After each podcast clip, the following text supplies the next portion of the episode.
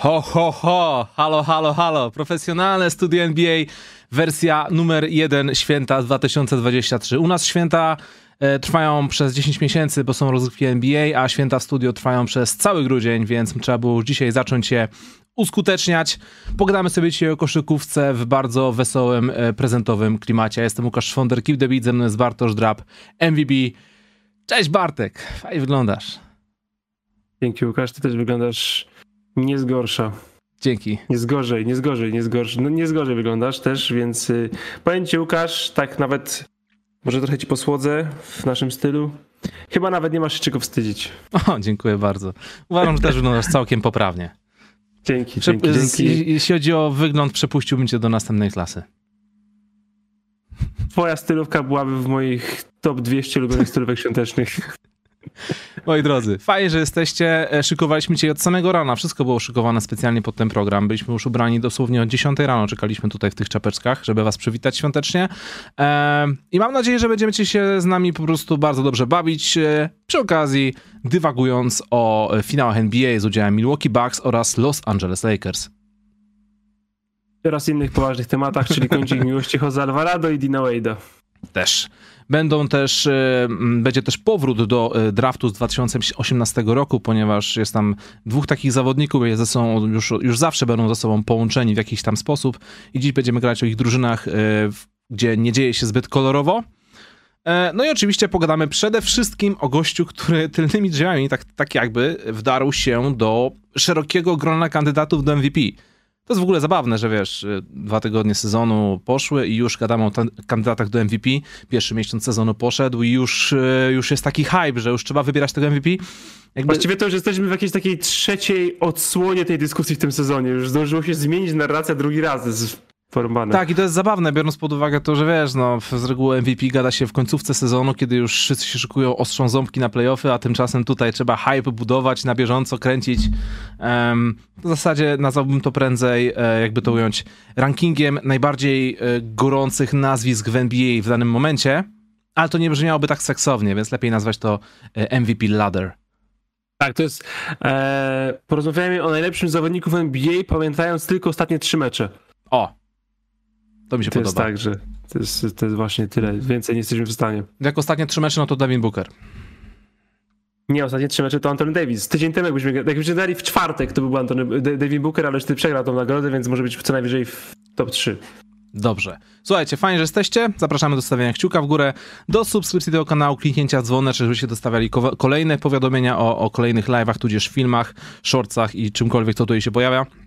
Partnerem dzisiejszego odcinka jest e, sieć restauracji KFC, także dzisiaj będzie też specjalna nagroda kubełek dla zawodnika. Jak już możecie zgadnąć, e, pewnie, pewnie, pewnie po prostu zgadniecie, kto ten kubełek dzisiaj od nas otrzyma.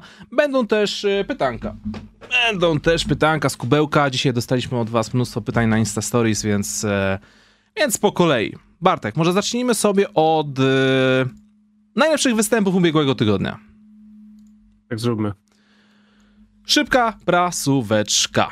Co się wydarzyło w poprzednim tygodniu? Mianowicie wydarzyło się to, że zdobywanie mi- minimum 40 punktów w jednym meczu jakby przestało być czymś wyjątkowym, ponieważ w poprzednim tygodniu takich meczów... W poniedziałek były trzy takie mecze.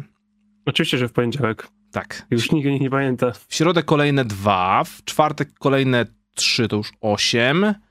Em, w piątek jeden to dziewięć. No i wczoraj dwa. Mamy 11 spotkań 40-punktowych w ciągu zaledwie jednego tygodnia, plus dodajmy do tego jeszcze jeden mecz e, 50-punktowy. Dwa, przepraszam, dwa mecze. Dwa mecze 50-punktowe. Więc naprawdę sporo się dzieje. Zdizrespektowałeś rzeczywiście nie zawodnika Lakers, tylko tego drugiego, nie? Trochę tak, trochę nie. Mass media, tak jest, jesteśmy w głównym nurcie.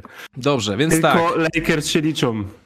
Jedyny właściwie temat, właściwie powinniśmy wszystkie tematy odciąć i cały temat, cały dzisiaj dzień powinniśmy spędzić, tak jak mieliśmy osiągnąć największą ilość klików i odsłuchów, to powinniśmy całą wieczór spędzić na dyskusji, kto zagra z Lakersami w finale NBA. Możemy tak zrobić, więc szybko prze, przebimbajmy sobie przez te, przez te tematy, które nikogo nie obchodzą, jak na przykład e, to, czy Trey Young jest na przykład zabójcą coachy w NBA.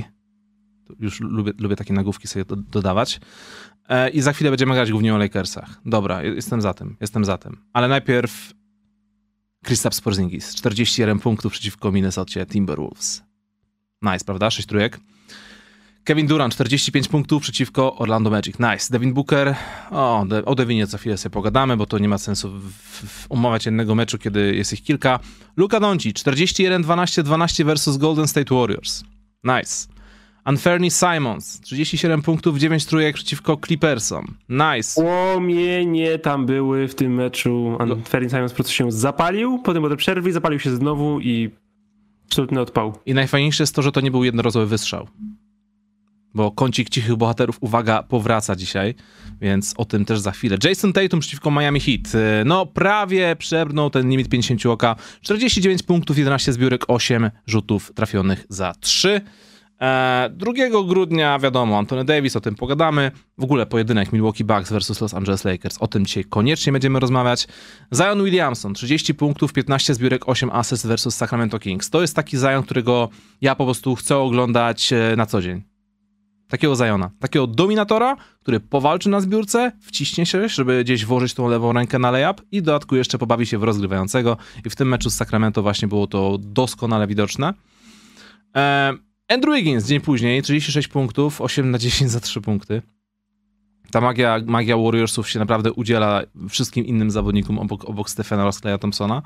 Unfairness Simons, 45 punktów oraz 60% skuteczności, 7 trójek przeciwko Utah Jazz. Kolejny po prostu... Um, kiedy dali przedłużenie Portland Trail Blazers Simonsowi? W zeszłym roku czy dwa lata temu? Ostatnie lato. Tak, to, to, to było pewne, że dostanie to przedłużenie, chociaż wiadomo, tam niektórzy mówili, że no może ciut za dużo tego hajsu, a tymczasem pod nieobecność Lillarda Anthony Simons wygląda jak no taki, taki prawdziwy lider, nie? Jeśli chodzi o punkty. Tak. No i wczoraj Zach Lavin, 41 punktów w przegranym z Sacramento meczu, Anthony Davis, historia, o tym za chwilę, ale to, co wydarzyło się wczoraj, co oglądaliśmy zresztą na żywo na live Eminera, zasługuje teraz na e, parę słów e, ciepłej, ciepłego naszego cudownego zachwytu. E, i w ten sposób właśnie wchodzimy w kącik cichych bohaterów ubiegłego tygodnia. I numerem jeden na mojej liście cichych bohaterów jest nie kto inny jak niewydraftowany do NBA zawodnik, mierzący 1,80 m wzrostu, czyli w sumie ciut więcej niż ja zaledwie. Gość, który wchodzi pod kosz przeciwko gigantom i się niczego nie boi, a jak jest hot, to jest po prostu hot i proszę po prostu dawać im piłkę, bo będę rzucał, bo jestem, jestem streetballerem, który ma talent do gry w NBA. Jose Alvarado. Career high, 38 punktów na ponad 60% skuteczności, 8 e, trafionych, trój, trafionych trójek wczoraj w meczu przeciwko Denver Nuggets. Gdy wchodził na parkiet, Denver mieli to spotkanie, tam prowadzili różnicą około 14 punktów i od tego momentu no Jose po prostu przejął mecz. Zdobył chyba 14 punktów z rzędu na 100% skuteczności. Był tak hot, że my się łapaliśmy za głowę, zastanawiając się, okej, okay, fajnie, fajne wejście, spark plug z ławki, nie? Ale no Spark Plug nie robi, ro, robi 6-8 punktów, a nie 14, nie przejmuje całego meczu, nie okazuje się, że ma prawie 40 ok i dzięki niemu mamy, mamy zwycięstwo, prawda? Więc... Nie jest, nie jest po prostu różnicą całego meczu. Bo mecz do wejścia Alvarado na boisko był wyrównany z lekkim wskazaniem na Denver, a obrócił się w łatwe zwycięstwo i jedyną, jedną osobą, która to odwróciła po prostu własnoręcznie, to był Jose Alvarado. Najwięcej punktów przez rezerwowego w tym e, sezonie, póki co. I najwięcej punktów przez rezerwowego w historii w ogóle Pelicans, więc już się zapisał na stałe do ksiąg statystycznych i strasznie mi się to spodobało, że na sam koniec meczu, kiedy już miałem lekko głos włączony, e, jak publiczność skandowała Jose, Jose, Jose, żeby po prostu e, podhypować swojego zawodnika. Świetna sprawa. W ogóle Pelicans e, są naprawdę dobrzy, o wiele lepsi niż byśmy się spodziewali w tym sezonie. Na ten moment drugie miejsce na zachodzie, więc, więc to jest naprawdę fajna historia. Seria czterech zwycięstw, która jest tak najdłuższą serią NBA obecnie. Tak, cztery a... zwycięstwa, a w ciągu ostatnich 10 spotkań nawet chyba jest 8 do 2, czy 7, nie, 7 do 3, przepraszam. I trzeci nie, 8 do 2. Widzę. Źle patrzyłem, 8 do 2. I trzeci net rating widzę tylko za Suns i Celtics. Jest tam trochę, prze, jest trochę różnicy między Suns, Celtics, przerwa, dopiero reszta, ale jest, tej reszty są pierwsi. E, nie grają przecież zdrowi całego sezonu, bo choć wczoraj nie było Ingrama, Zają też troszeczkę meczu opuszczał, więc ten rytm ich też nie jest e, najlepszy. No i tak naprawdę powinni iść tylko w górę, jeśli uda się cokolwiek ustabilizować. Mają najlepszą obronę w lidze na ten moment? Bo nie sprawdzałem, ale coś mi się kojarzy. Bo w każdym razie wczoraj to było widać, że naprawdę Denver mieli problem, żeby cokolwiek z nimi ugrać. A jeszcze, a jak już stanęli strefą, to już były naprawdę poważne kłopoty. Pomimo braku y, Valanciuniasa, który miał problem z faulami. I Herba Jonesa, czyli jednego z najlepszych obrońców ich też. Defensive efficiency mówi, że są w top 3. W top 3. Ale to jest efficiency, a ja chcę rating. Dajcie mi jakieś fajne statystyki. Już sobie to sprawdzam. Tak, tak trzeci defen defensive rating Trzeci. mają po Milwaukee i Cleveland. No to nie jest złe towarzystwo. To prawda. E, co do wczorajszego meczu, e, Trey Murphy trzeci. Fajne paczki zrobił, nie? Że tam Jedna po drugiej. Denver. Ale ta chwilę, no. pierwsza, ta pierwsza była naprawdę super. Um, Hasbe powinien zrobić z tego shortsa. Hasbe, wiem, że mnie oglądasz, jesteś moim największym fanem. Napisz mu to na priv. Nie muszę, on tego słucha teraz. Z ręką w gaciach. E, kolejne serie, jakie były jeszcze. Boston Celtics 8 do 2 oraz właśnie Pelicans 8 do 2 oraz e, Phoenix Suns 8 do 2. Więc to są e, takie nazwy drużyn, których byśmy się spodziewali w rubryce 8 do 2. Ale oprócz nich mamy jeszcze Lakers 8 do 2. To są ci, cisi bohaterowie właśnie. Tak. Jeszcze odnośnie cichych bohaterów. Chciałbym pochwalić dwa nazwiska. Po pierwsze, Bam Adebayo. Może to nie jest cichy bohater, bo to jest Bam Adebayo, prawda? Ale od 25 listopada rzuca 30 punktów na ponad 60%, zbiera 8 piłek, rozdaje 3 asysty i w 4 mecze, które rozegrał właśnie, kiedy robił takie stacy, Miami Heat wygrało trzykrotnie. Przeciwko takim Washington Wizards zrobił 38-12. Także Bam Adebayo, jesteś super i liczę na to, że będziesz zdrowy. Teraz ja. Shake Milton. Cichy bohater. Myślałem, żeby właśnie go nie dodać. Żeby go dodać, czy nie Że, dodać? żeby, żeby, żeby, go, żeby go dodać, ale spojrzałem na te ostatnie myślałem, że mecze. chciałeś specjalnie nie dodać, umniejszyć mu, wiesz, Nie, skancelować go. Nie, bardziej chodziło mi o to, że e, patrzyłem na jego wyniki z ostatnich spotkań i po prostu były zdecydowanie powyżej jego średnich, ale to nie był 40-punktowy Unfairly Simons. Nie były, ale były, była to Filadelfia, która nie przegrała tak strasznie tego okresu, kiedy nie było ich e, największych gwiazd, Mhm. która poradziła sobie w tym okresie całkiem nieźle. Jest 6-4 w ostatnich 10 meczach, co jest wynikiem powyżej oczekiwań. Wra- wrócił już Embiid, wraca Harden, więc zobaczymy jak się te minuty zmienią, ale duet Milton-Melton to jest rzecz do oglądania.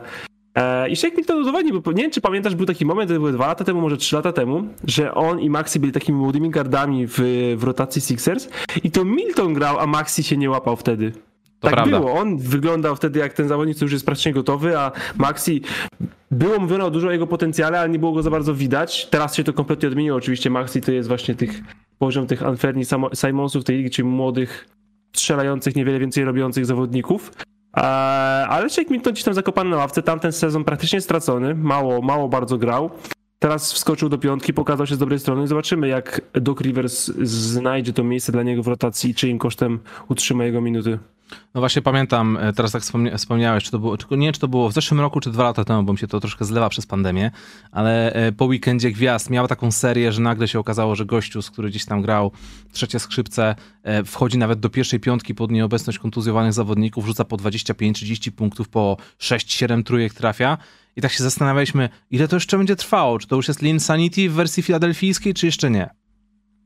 Więc e, super to wyszło. Szkoda, że nie, nie potrwało to dłużej, no bo jednak później Philadelphia poszła w stronę właśnie Tyrisa Maxeya i, i, i troszkę, troszkę innych graczy. No ale miał te swoje 5 minut. E, ja bym tu chciał jeszcze oczywiście pochwalić Anthony Simonsa, który właśnie w ciągu tych czterech meczów od 29 listopada rzuca 31,5 punkta na 53%, trafiając średnio 6 trójek na mecz. Sorry, ale to Też- są, to są stefanowskie staty. Tak. I też pozwalając Portland nie zginąć kompletnie pod nieobecność e, Lillarda, chociaż ten kryzys oczywiście był, to jest 3 w ostatnich 10 meczach. Sporo ich przegranych, ale utrzymali się na plusie, są gdzieś tam poziomie Utah Jazz teraz i Lillard wraca. E, rozmawiałem się z Aleksandrem chwilę na, na DM-ach przed studiem, mówi, że ty, terminarz Blazers jest łatwy, nie sprawdziłem tego, wierzę na słowo, więc jeśli jest łatwy terminarz, wraca Lillard, formy nie traci Simons, formy nie traci Jeremy Grant, to myślę, że możemy za dwa tygodnie znaleźć się znowu z Portland Trail Blazers w czwórce na przykład. Tak. Em, jeszcze miałem tylko dodać odnośnie jeszcze Simonsa, że wiadomo, że trzeba, trzeba po prostu wykorzystywać młodych, atletycznych i zdrowych zawodników, ale mimo wszystko y, grał po 40 minut przez te ostatnie kilka spotkań. Także fajnie, że robi takie stacy, fajnie, że to się przekłada na bardzo dobrą i efektywną grę, ale no nie, nie, mieliśmy już wielu takich zawodników młodych, który, którzy później źle kończyli, także liczę na ten powrót Lillarda i na to, że e, Chansey Billups e, troszkę lepiej rozdys, rozdysponuje te minuty. Kolejna historia, cichy bohater, czyli nasz zielony Luke Cornet. I Cornet Challenge, wspaniała sprawa, kocham te... Lubię to strasznie, jak są jakieś takie, wiesz, potężne wsady, jakieś tam, wiesz, 30-15 ktoś robi. No. I to na Reddicie jest niżej niż Luke Cornet w Garbage Time, skaczący 6 metrów od kogoś, jakiegoś rezerwowego centra, który nie trafia trójki, czy coś takiego, wspaniale. No bo wiesz, yy, były zdjęcia pokazywane, jak to wygląda z perspektywy rzucającego. Jeśli jesteś takim gigantem mierzącym 2,10 i skaczesz pionowo w górę i jakimś cudem zasłonisz rękami obręcz, to w sumie może to być całkiem yy, efektywna obrona.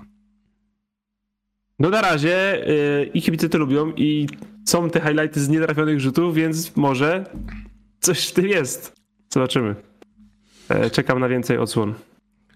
Dobrze, dwa słowa o Phoenix Suns, bo wiemy, że wszyscy, wszyscy tu jesteście za Lakersów. Um, chciałem powiedzieć tyle, że o Phoenix Suns od początku sezonu nie wspomnieliśmy nic, pomimo tego, że grają naprawdę wyborną koszykówkę. 8 zwycięstw w ciągu ostatnich 10 spotkań i robią to pomimo tego, że Jay Crowder obraził się i chce cały czas tej wymiany i nie gra. Pomimo tego, że Cameron Johnson zagrał zaledwie 8 spotkaniach od początku sezonu i ma kontuzję kolana, a co jest zabawne, Cameron Johnson wychodzi w zasadzie zamiast za Jay Crowdera, więc zaczynają być już problemy z minutami.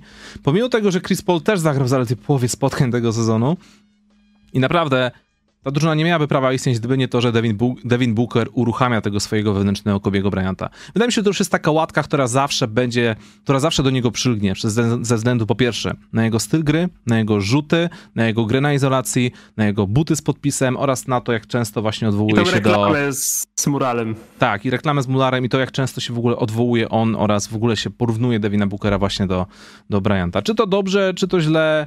E, szczerze mówiąc, mi się, mi się, nie, że nawet to nie przeszkadza, ale mi się to wręcz podoba.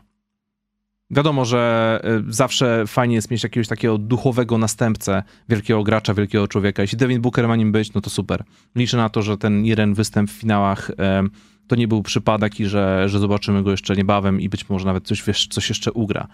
W każdym razie, to co chciałem powiedzieć to to, że Devin Booker ciągnie połamanych Phoenix Suns za sobą, dzięki temu grają świetną koszykówkę i zaliczył właśnie trzy mecze z rzędu, gdzie zdobywał minimum 40 punktów. Z czego jedno z tych spotkań to 51 punktów przeciwko Chicago Bulls na jakiejś kosmicznej 80, 80% skuteczności. 51 punktów na 80% skuteczności. Gościu po prostu nie pudłował. I co najważniejsze, zrobił to w trzy kwarty. To jest Kobe Bryant vibes. To jest, to jest Kobe Bryant schodzący w tym meczu z Dallas Mavericks miesiąc przed zrobieniem 80 punktów dla Toronto Raptors, że dobra, będzie okazja. Może, może Monty Williams powiedział dokładnie to samo Devinowi Bookerowi. Dobra, Devin, masz już 50 oka, wygrywamy, będzie okazja. Za, za miesiąc walniesz, y, z Persą walniesz 80 punktów. Tak, no Devin Booker uruchomił swojego wewnętrznego Kobiego, co się przekłada na to, że Devin Booker uruchamia swojego wewnętrznego top 10 zawodnika bo gra jak to 10 zawodnik Devin Booker, może też jak to 5 i Michael Bridges i DeAndre Ayton, czyli nie tacy cisi bohaterowie, ale yy, powiedzmy ci bohaterowie połowy stawki, grają jak top 40-50 zawodnicy w lidze, obaj mają świetne sezony. Po obu stronach boiska, czyli coś czego Aytonowi brakowało, szczególnie po atakowanej. Yy, i grają bardzo dobrze. Jeśli mówimy o cichych bohaterach, no to dla Phoenix Suns cichym bohaterem jest szwagier naszego szybkiego kurczaczka Damian Lee, który jest po prostu gorący, jak chyba jeszcze nigdy w swojej karierze nie był i na minimalnym kontrakcie ile on rzuca za 3? 49%. A, więc myślę, że Lakers by się przydał taki zawodnik. A, oczywiście wiedzą, że to nie jest jakaś niesamowita ilość rzutów, to jest też zawodnik wychodzący z ławki, ale to co mówiłeś, straciliśmy wyjściową czwórkę, zastąpiliśmy ją rezerwową wyjściową czwórką i też ją straciliśmy, więc ta głębia na skrzydłach nie jest za duża, e, a mimo tego Sans sobie radzą e, i oprócz tych indywidualnych wyróżnień, to po prostu Sans grają swoje, Sans grają swoje w no, swój system, swoją hierarchię, rolę w zespole, wiemy co gramy w wszystkich miejscach. Z takich zawodników wiesz, jak właśnie, jak właśnie Damian Lee czy, czy Tory Craig, możemy wycisnąć wszystko to, co jest z nich pożyteczne, i jesteśmy świetną drużyną po prostu. No w tym momencie, no mówię, net rating pierwszy, pierwszy w lidze, bilans chyba, co, bilans pierwszy na wschodzie, ale tak to za Bostonem i z jakimś jeszcze, 16-7, a trzeci bilans, ok, Milwaukee ma jedną porażkę mniej, a, no więc trzeci bilans w lidze, pierwszy na zachodzie i wygląda naprawdę dobrze. Nawet jeśli te różnice w tej topce zachodu też umówy się nie są jakieś gigantyczne, ale hej, ta drużyna gra bez trzech zawodników. Ale hej, dokładnie. Przejdźmy do kolejnego tematu, zanim poruszymy gorących Lakers oraz MVP Antonego Davisa. Eee, koledzy, którzy, którzy wymienili się lokatami w drafcie 2018, Trey Young oraz Luka Doncic. Dzisiaj trzeba o nich parę słów wspomnieć. Dallas Mavericks w ciągu ostatnich 12 meczów wygrali zaledwie 5. 7 porażek, 5 zwycięstw, więc generalnie problemy, kłopoty oraz Luka Doncic e, pchający, pchający taczkę, ciągnący wózek, jak chcecie cokolwiek to nazwać, robiący kosmiczne staty, próbujący walczyć o ten pierwsze, drugie miejsce na drabince głównych kandydatów do MVP. Ale co z tego? Co z tego, Bartek? Przegrali mnóstwo meczów ostatnimi czasy. Co, co gorsza, większość tych meczów przegrali zaledwie kilkupunktową stratą. To jest tak, że niby są blisko, ale nie potrafią dociągnąć tego do końca. Nie mają tego clutch gene, czy po prostu im nie wpada pod koniec, czy Luka już jest wtedy podwajany, oddaje piłki i okazuje się, że jednak w tej drużynie nikt nie trafia tak, jak powinien trafiać. Spencer Dinwiddie fajnie kreuje grę, ale nie jest nieskuteczny. Tam ma skuteczność jakieś 30 ileś procent. Tim Hardaway Jr. to nie jest ten sam Tim Hardaway Jr., który był drugim najlepszym zawodnikiem w playoffach w zeszłym roku. Um, Christian Wood zdaje egzamin, ale cały czas czekam na to, kiedy Jason Kidd w końcu da mu, wiesz, jakąś tam większą szansę na grę.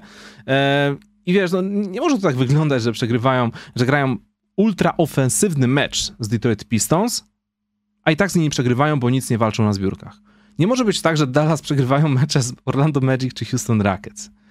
E, wygląda to bardzo niefajnie, w szczególności kiedy w internecie zaczynają krążyć już ujęcia pokazujące sfrustrowanego Luka Doncicia. I nie sfrustrowanego na sędziego, który właśnie nie zagwizdał mu faulu czy coś, tylko sfrustrowanego na kolega, którego właśnie obsłużył super podaniem, a koledze piłka się wyślizguje z rąk. Ja nie wiem, co, co gorsze, co lepsze dla drużyny. Czy Luka wkurzony na sędziów, czy Luka wkurzony na kolegów?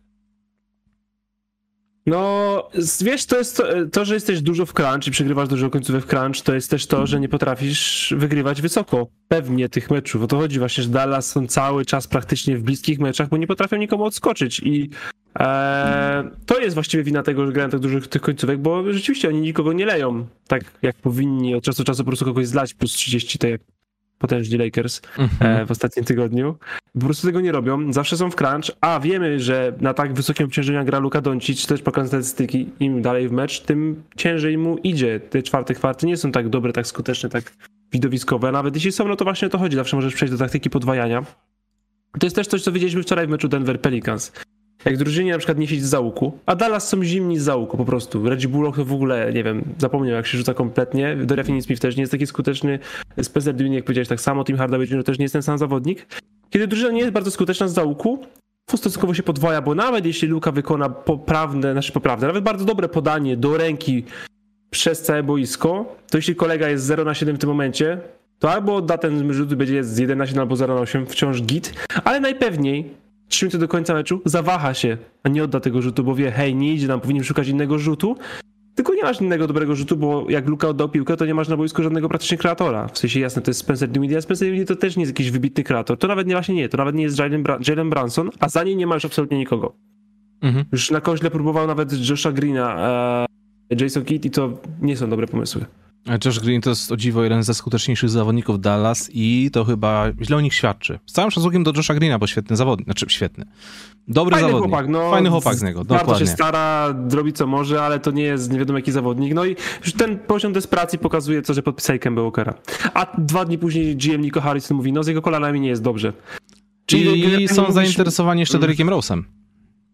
Czyli generalnie mówisz mi, że wzięliście wrak i zamierzacie nim grać, aż się rozsypie do końca i zobaczycie, co wtedy. Tak wspomniałeś przed chwilą o tych problemach Dallas Mavericks, tak mi pasuje takie jedno nazwisko, które wczoraj widzieliśmy na żywo.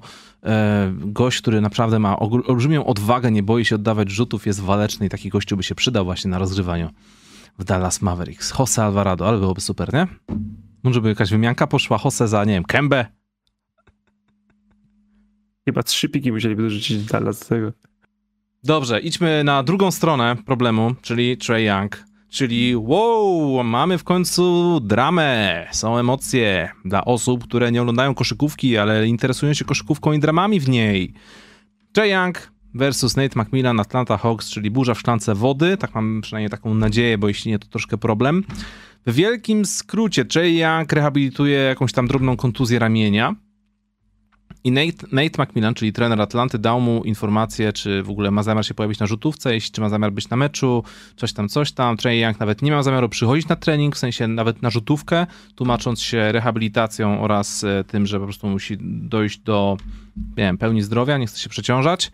Na co Nate McMillan dał, dał mu ultimatum, że w takim razie e, jeśli będziesz na meczu, to wychodzisz z ławki, a jeśli nie chcesz wychodzić z ławki, to w ogóle nie pojawia się na hali.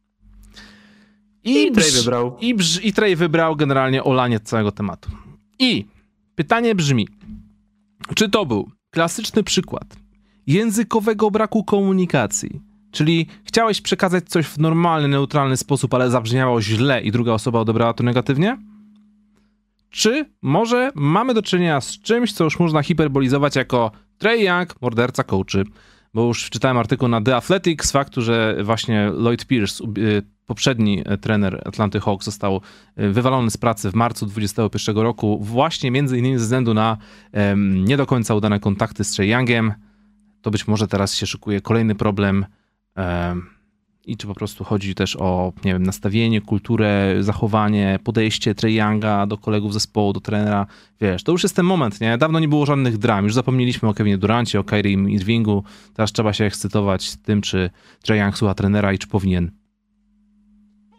czy wiesz, to jest dopiero początek historii, ale jeśli za miesiąc Nathan nie zostanie zwolniony z Atlanty i będziemy już mówić o dwóch zwolnionych trenerach z powodu konfliktu z jednym zawodnikiem, mhm.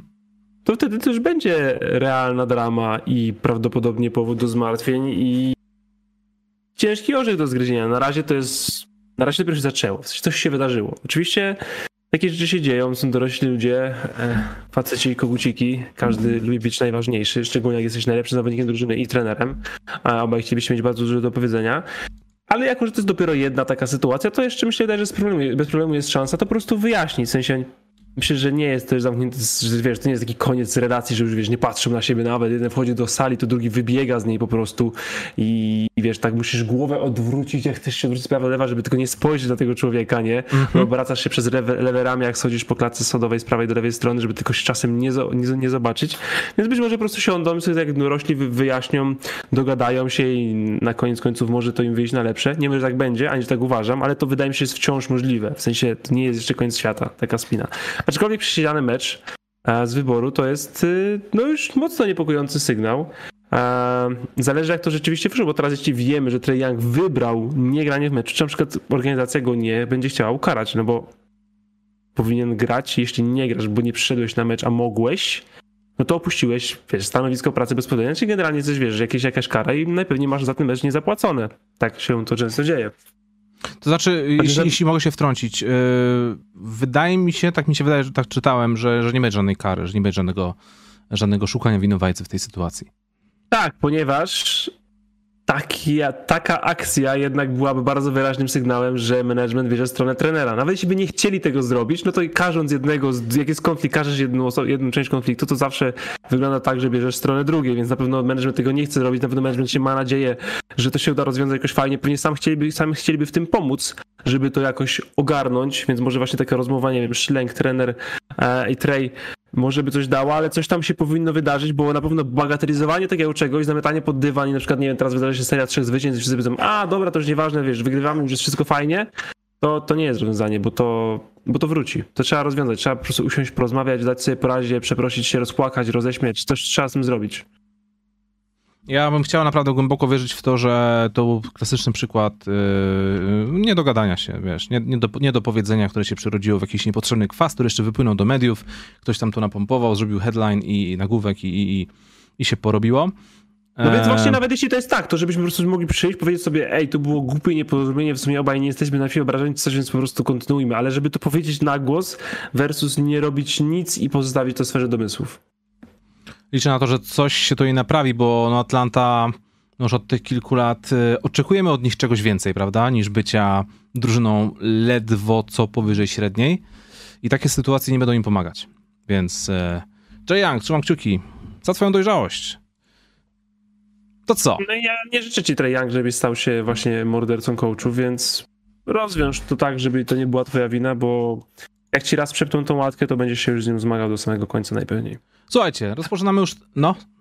Na koniec końców wciąż Atlanta jest top 4, więc to nie jest tak, że jesteśmy w jakimś dramacie, nie, nie jesteśmy Clippers, nie? Mhm. Świąteczne, świąteczne życzliwe. E, kli... Widziałeś, jak... 25 rating widzę, minus 1.8. Widziałeś, jak Clippersi byli e, zdziwieni e, fioletowym snopem światła z hali Sacramento Kings? No wiesz, to jest to trochę wstyd. Drużyna z Los Angeles jest taka jedna, która zazwyczaj jeździ gdzieś w halach i dominują tam jej kibice, w sensie są znoszone ich okrzyki i koszulki widać ich zawodników, a druga drużyna z Los Angeles we własnej hali jest przyćmiewana przez panów z Sacramento, więc... To trochę jakby chłopaki z Krakowa pojechali na salę do modelniczki i dostali w piernicz, nie? Dokładnie. Dokładnie. Dobrze, słuchajcie, fajnie, że jesteście, e, bo chcielibyśmy wam powiedzieć taką jedną rzecz, że e, mamy trzykrotnie prawie, matematyka się kłania, mniejszą liczbę lajków niż was tutaj jest, także byłoby super sympatycznie i świątecznie, jakbyście mieli taki gest i kliknęli kciuka w górę, bo to nam tutaj pomaga e, podbić nieco oglądalność e, i w ogóle wszystko takie tam inne. Przechodzimy teraz do tematu Los Angeles Lakers, ale zanim przejdziemy do tematu Los Angeles Lakers, porozmawiamy o, jej, o, jej, o ich um, zbawcy. O człowieku, który doprowadził ich do ziemi obiecanej, o człowieku, który już po raz pierwszy od co najmniej dwóch lat znajduje się w szerokiej ławce kandydatów do MVP. Gość, który na ten moment wygląda jak numer jeden tej drużyny, mimo tego, że obok, nie, obok niego jest LeBron James i gość, który um, jak, trzeci. Jak, jakby to ująć, e, jego kariera to parabola. Jego kariera to parabola, parabola, parabola wśród fanów między fascynacją a ciągłym ciągnięciem beki z gościa. Straszne, niesprawiedliwe, ale to niestety prawda. Teraz jesteśmy na etapie fascynacji. Ladies and gentlemen, Anthony Davis. Cyk. Anthony Davis w ostatnich dziewięciu meczach gra jak najlepszy podkoszowy w lidze. Być może najlepszy zawodnik w lidze. Na pewno najlepszy zawodnik swojej drużyny. Na pewno zawodnik, który doprowadza do zwycięstw swojej drużyny. W ostatnich 9 meczach zdobywa ponad 35 punktów na 65% skuteczności. Dokłada do tego niemalże 16 zbiórek, 3 bloki e, oraz nieco ponad jeden przechwyt na mecz. I w trakcie tych wszystkich występów warto tutaj wspomnieć chociażby o takim meczu jak 37 e, punktów, 21 zbiórek, 5 bloków przeciwko Phoenix Suns. 55 punktów, 17 zbiórek, 3 bloki przeciwko Washington Wizards, 44 punkty, 10 zbiórek, 3 bloki przeciwko Milwaukee. I generalnie, jak tutaj patrzę na te jego ostatnie występy, to jest to jedna wielka, monstrualna maszynka do zdobywania double-double. Gość jest niesamowity, zagrał w tych ostatnich 9 meczu, meczach, e, a jakby patrzeć w ogóle na wyniki Lakersa, Lakersów w ostatnich 10, no to e, przegrali tylko dwa z tych spotkań i owszem, cały czas tutaj trzeba dać gwiazdkę, że na przykład Cztery z tych ośmiu zwycięstw to było trzykrotnie San Antonio i raz Detroit Pistons, ale mimo wszystko ale jedna z tych porażek była po prostu game winnerem, wiesz, drugo, drugorundowego rookie, nie, Wal, walnięta w ostatniej sekundzie, a jedyna porażka, która rzeczywiście się odbyła, była z Phoenix Suns, którzy są profesjonalną, znakomitą drużyną, a wygrali między innymi też z Milwaukee, więc to jest tak naprawdę, wszystko jest gdzieś tam po środku. I o tym meczu z Milwaukee też sobie za chwilę pogadamy, a teraz chcieliśmy zrobić sobie segment y, y, naszego partnera, czyli KFC. Przypominamy, że w linku pod tą transmisją znajdziecie e, odnośnik do aplikacji KFC, którą możecie sobie zainstalować, dzięki czemu będziecie mieć dostęp do specjalnych y, kuponów, tak zwanych kurponów, gdzie e, po prostu w lepszej cenie, okazyjnie będziecie mogli sobie zakupić e, wszystko, co tam jest dostępne. Grandery, kubełki, E, co tam jeszcze jest, Bartek? Co tam ostatnio? Halloumi. Halloumi, ale halloumi to jest sam ser. Tak? E, no, co jest, burger z halloumi jest, nie? Ale są też y, nuggets roślinne. Kurito? Frytki? Nie znam. W każdym, każdym razie każdy znajdzie coś dla siebie, także złocista i chrupiąca panierka, soczyste i świeże kurczaki prosto z KFC. E, link znajdziecie w opisie pod tą transmisją. E, aplikacja działa i na Androidzie oraz na E, telefonach z systemem iOS. I teraz, Bartek, pogadajmy sobie o Los Angeles Lakers. O tym, jak to LeBron James już nie wygląda jak ten LeBron James, ale wygląda jak super gwiazda, która zawsze przejawiała to podejście, że nie ma problemu z tym, żeby oddać komuś pałeczkę do prowadzenia gry. Bo ja jestem gościem, ja jestem Magiciem Johnsonem, który przy okazji rzuca 40 punktów, nie? Ale jestem Magiciem Johnsonem, więc także rozdam ci piłkę, Anthony Davis, Austin Reeves, nieważne kto, Patrick Beverly, masz 25% załuku, nieważne, łap, masz dobrą pozycję. Rzucaj, zachęcam, jestem LeBronem Jamesem. I tak, w ostatnich 10 meczach Austin Reeves 13,5 punkta na 60%, Lonnie Walker 18 punktów na 50%, 47 z załuku za 3 punkty. Um, mają coraz wyższy defensive rating, także powolutku, zastrzegam, powolutku zaczynają przypominać e, siebie z roku 2020, kiedy ich gra polegała głównie na e, dobrej obronie. E, I o dziwo, po raz pierwszy chyba od roku chcę pochwalić Russella Westbrooka. Ponieważ Russell Westbrook od, od, czasu, kiedy wychodzi z ławki i e, zamiast um, wchodzić pod kosz, decyduje się częściej na oddawanie piłek i podpatrywanie Tyrisa Halliburtona, strasznie mi się podoba to, co ten gość robi. Jak on po prostu obsługuje te podania w tempo i wydaje mi się, że jakby to ująć w mediach, które pompują narrację, w ostatnim czasie nie znajdziemy sekwencji oraz mixtape'ów najgłupszych zagrań Russella Westbrooka. Co już jest samą w sobie czymś pozytywnym. I w meczu na przykład z Milwaukee Bucks było to bardzo widoczne, kiedy to Russell Westbrook e, podawał idealnie w tempo do ścinających zawodników pod kosz. Czy to był, czy to był Troy Brown, czy to był Lonnie Walker. E, zawsze w tempo, tutaj pik, tutaj coś tam, nawet jakiś fadeaway mu wyszedł z pół dystansu, gdzie te rzuty wcześniej to po prostu łapałem się za głowę. Lepiej Russell tego nie rób, ale fajnie, trafiał. Także nie wiem, czy chcesz się dołożyć do tego kącika życzliwości wobec Russella Westbrooka, czy nie? Tak, fajnie, że potrafił zaakceptować wbrew tych bzdurnym komentarzom preseason rolę swoją nową, która pasuje mu dużo bardziej, bo ma więcej piłki w rękach, łatwiejszych przeciwników naprzeciw i więcej luzu swobody i zielonego światła na swoją grę, więc nawet jeśli trochę porzuca, to nie jest źle, ale właśnie bardzo dużo asystuje, co bardzo dobrze jest. I nie psuje tego spacingu pierwszej piątki, więc psuciem spacingu pierwszej piątce może zająć się już pełnotatowo Patrick Beverly. Czyli absolutnie fatalny zawodnik w tym sezonie, przez 28% z gry. Wiesz, ile razy Patrick Beverly trafił więcej niż dwa rzuty w meczu? Eee, więcej niż dwa raz, rzuty? Raz znaczy, Ja jestem pewny, że ma jego, jego skuteczność upadania na twarz po flopach jest wyższa niż skuteczność e, trafionych rzutów. To na pewno. 0 na 4, 3 na 5, 2 na 7, 0 na 2, 1 na 5, 1 na 3, 1 na 5, 2 na 8, 2 na 8 i tak dalej, i tak dalej, i tak dalej. Tragedia. Więc psuciem spacingu może zająć się ktoś inny, a Russell Westbrook mógł zająć się robieniem double-double, punkty, asysty z ławki, super. E, I tak dużo tych asyst do Davisa, ponieważ Davis gra bardzo dużo, super. A kiedy nie ma go na boisku, na boisku jest LeBron e, i może sobie spokojnie piąć się po tej drabince najpiastującej w historii. Ostatnio przygonił Magica Johnsona. Co można skwitować tylko jednym zdaniem? Magic grał za krótko. Jesteśmy okradzieni z kilku lat jego prime'u, bo Dokładnie. nie jest tak, że LeBron James jest lepszym rozgrywającym niż Magic Johnson. Niestety. No, Westbrook w ostatnich meczach 11 oraz 15 asyst. Także naprawdę Tyrese Halliburton vibes. Um, Back-to-back mecze bez straty. Tak, i to w ogóle chyba I czemu takie małe bingo? I czy to jest chyba jego, jego pierwszy, pierwsza taka seria dwóch meczów bez straty? W tym sezonie na pewno. I musimy powiedzieć, czemu takie małe bingo. Tak. Dobrze, mecz Milwaukee Bucks versus e, Los Angeles Lakers e, pokazał, jak dominującym zawodnikiem może być Anthony Davis, gdy jest zdrowy lub gdy go nie bolą plecy. Bądź po prostu bolą go na tyle, że jest w stanie to jakoś zdzierżyć. Um, 44 punkty, 10 zbiórek Antonego Davisa w bezpośrednim meczapie z Janisem Antetokounmpo i to, co działo się na moim timeline'ie na Twitterze po, po tym meczu, to była jakaś masakra. Ponieważ e, ja tego meczu nie widziałem na żywo, ale po przeczytaniu tego wszystkiego, co tam przeczytałem, miałem wrażenie, że o kurczę, Janis został chyba zdominowany w tym spotkaniu. Został zjedzony na śniadanie przez Antonego Davisa. Ludzie pisali, że Antony Davis, jak jest zdrowy, jest lepszy niż Janis Antetokounmpo. A później wszedłem w box score. Janis, 40 punktów, 7 zbiórek, 5 asyst na 70% skuteczności. Nie wiem, czy to, nie, to nie wiem, czy to można nazwać zosta zostaniem zjedzonym.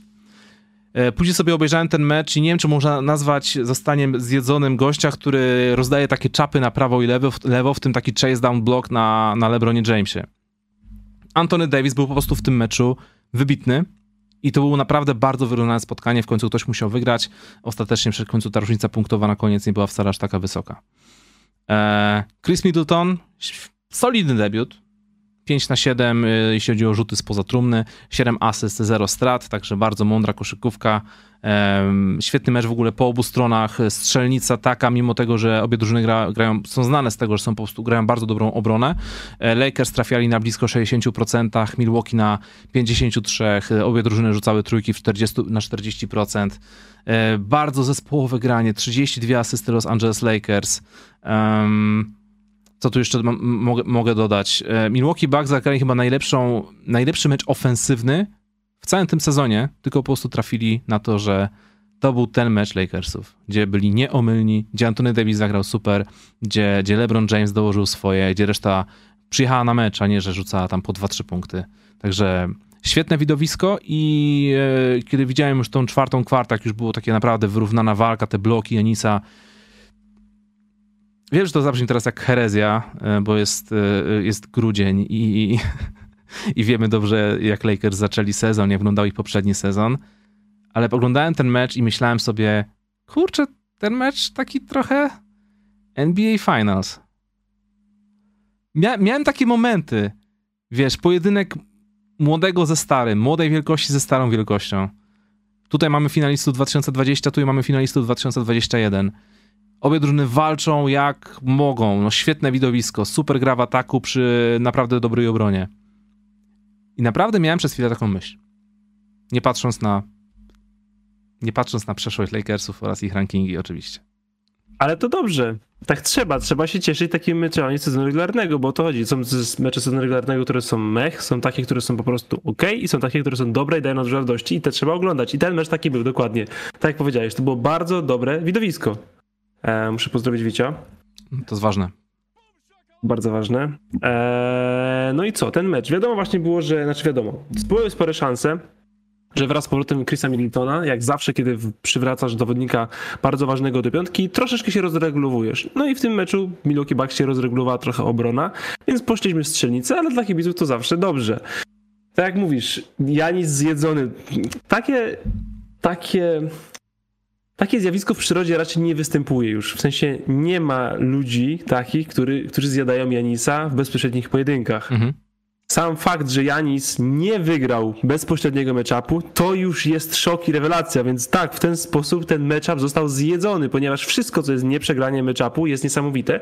A jeśli ktoś pamięta dobrze, jak w tamtym sezonie Janis się po Anton Davisie po prostu przechodził i to tak strasznie się po nim przechodził, że po prostu no, Anton Davis wygląda jakby był dziadkiem. Mhm i grał po prostu ze swoim następcą i, i, i był po prostu nie przez niego. To jak wiesz, 40-letni Michael grał z 19-letnim Kobiem, czy no może że nie 19-letnim, nawet 20-kilkuletnim, to bardziej w ten sposób to wyglądało niż pojedynek dwóch dwóch zawodników kandydatów do MVP, dwóch zawodników w prime. Mhm. A w tym meczu tak to wyglądało. Wyglądało jak dwóch rewelacyjnych zawodników w prime, którzy grają na tej samej pozycji, kryją się nawzajem. To nas kolejno wsadami nad sobą nawzajem oraz blokami na sobie nawzajem, bo i takie sytuacje miały miejsce, i takie sytuacje miały miejsce po obu stronach. Więc super, że dostaliśmy to widowisko i super, że Antony Davis tak naprawdę jest zdrowy, bo też jest takie teraz, oczywiście dzisiaj jest wybuch po prostu, nie? Na Twitterze już wszyscy zdążyli napisać artykuł o Antony Davisie, ale ten artykuł o Antony Davisie można moim zdaniem skrócić do bardzo, bardzo szybkiej adnotacji. E, hej, Antony Davis zawsze był dobry w koszykówkę, tylko nie jest zdrowy od dwóch lat, a dwóch tygodni jest. A nawet nie wiem, czy to jest w 100% zdrowie, jest po prostu mało kontuzjowany, to znaczy może biegać nie bolą go plecy, bo wydaje mi się, że z tym plecami jest najgorzej. Nie wiem, czy Anton Davis będzie jeszcze w stanie kiedykolwiek taką formę fizyczną utrzymać na przestrzeni, powiedzmy, sezonu. To się być może skończy za tydzień, za dwa, za trzy, za nie wiem, osiem, ale długo jak trwa, to oglądajmy, bo Anthony Davis jest po prostu rewelacyjnym zawodnikiem. Jak chcemy ten artykuł rozwijać, to oczywiście możemy przejść do trochę bardziej szczegółowych statystyk, przede wszystkim takiej, że w tamtym sezonie Anthony Davis rolował w pick and rollach w dwóch trzecich przypadków, 1 na 3, 1 na 3 przypadki robił pop, a w tym sezonie prawie tego popu nie robi. Pop to jest jakieś 11-15% w tych pick and rollach i po prostu idzie twardo i mocno do obręczy. No i tam nie ma na niego człowieka, bo jesteś albo mniejszy, albo wolniejszy, a najczęściej jedno i drugie.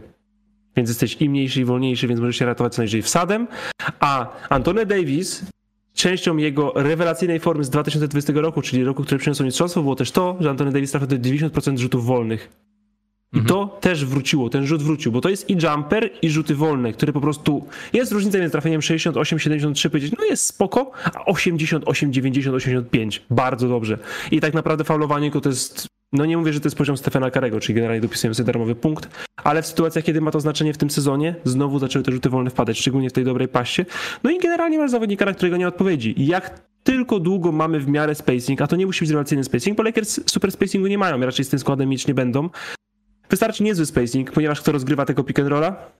LeBron. Top 2 zawodnik w historii. Który sam jest w stanie zdobyć 30 punktów w meczu, który jest w stanie rzucić ci podanie e, hakiem, który jest w stanie odnaleźć dobre rzucenie na obwód i wszystkie rodzaje podań w pick and rollu ma opane do perfekcji. I chce podawać, bo to jest to, co powiedziałeś wcześniej, że mm, czekaliśmy na to przejście, że Anthony Davis stanie się tym zawodnikiem numer jeden. LeBron James w mediach to brzmiało dwóch lat, by błagał wręcz o to w sensie, tak, Davis, to będzie, ten, to będzie ten rok, to będzie ten rok. I to nigdy nie był ten rok. Cały Le LeBron był najlepszy. Super jest mieć top dwa zawodnika w drużynie, który jest twoim największym hype manem. Dokładnie. I teraz rzeczywiście w końcu wygląda, jakby się to miało wydarzyć. Zobaczymy, czy nie za późno, zobaczymy, czy są w stanie obaj utrzymać się w zdrowiu. Eee, no i wiesz, trzy tygodnie temu poszły jakieś tam anonimowe rumory, że Lakersi uważają sobie jednego, dwóch zawodników od kontenderostwa, wszyscy się podśmiechiwali, ale jakbyś dodał dwóch dobrych zawodników do tej drużyny, oczywiście może to będzie każdej drużynie prawie dobrej, to ja myślę, że to jest drużyna playoffowa, jeśli dodasz tam jednego, dwóch, bo w tym momencie jest wciąż bardzo dużo nierozwiązanych problemów, przede wszystkim shooting, przede wszystkim size, bo jak wychodzimy tymi line-upami z trzema gardami, które tak strasznie bolą, bo jeszcze ci gardzi często nie rzucają, jak wychodzisz Beverleyem, wychodzisz Nanem, wychodzisz Shredderem, strasznie dużo obciążenia w obronie jednak jest na Davisie i Lebronie, a to są zawodnicy, którzy nie chcę ich tak strasznie obciążać, bo jeden ma 38 lat, a drugi ma w nogach jakieś 115. Więc, yy, więc na dłuższą metę może to nie jest rozwiązanie, może się to skończy szybciej niż nam się wydaje, ale długo jak trwa to wygląda bardzo dobrze, Lakers wygrywają. E, I bardzo podoba mi się też ten cytat Antonego Davisa, który też wyszedł dzisiaj, bo Antony Davis jest generalnie gość, który jest całkiem pewny siebie. Pamiętamy jego komentarze e, o Phoenix Suns, którzy mówią, tak długo nas nie pokonają zdrowiu, to on to w dupie, uważam, że jesteśmy od nich lepsi. Mhm. I dzisiaj to Davis powiedział sam o sobie, że jego gra nie jest dla niego zaskoczeniem gra tak, jak powinienem, gra, jak powinien grać. Wie, że jest w stanie to robić. Nie jest tak, że się jakoś super jara, o Jezu, super, ale mi dobrze idzie, jest to niesamowite, tylko to jest to, co powinienem robić cały czas. To jest moja podłoga, to od siebie wymagam. I to uważam, że teraz, teraz uważam, że robię ok swoją robotę, a nie, że jestem jakiś fenomenalny. A to nie jakiś fenomenalny, to jest od dwóch dni wpychany przez wszystkich zawodników do szerokiej konwersacji o MVP. Dziękuję ci, że tak ładnie to wyjaśniłeś. Chciałem tutaj coś jeszcze dodać, na przykład to, że super jest znowu zobaczyć LeBrona i AD grających tak, jakby byli w pełni zdrowia i, i szli e, pewną, pewną ręką, pewną nogą do finałów NBA, tak jak to było w 2020 roku, ale to może już nie będę poprawiał. Świetnie to przedstawiłeś.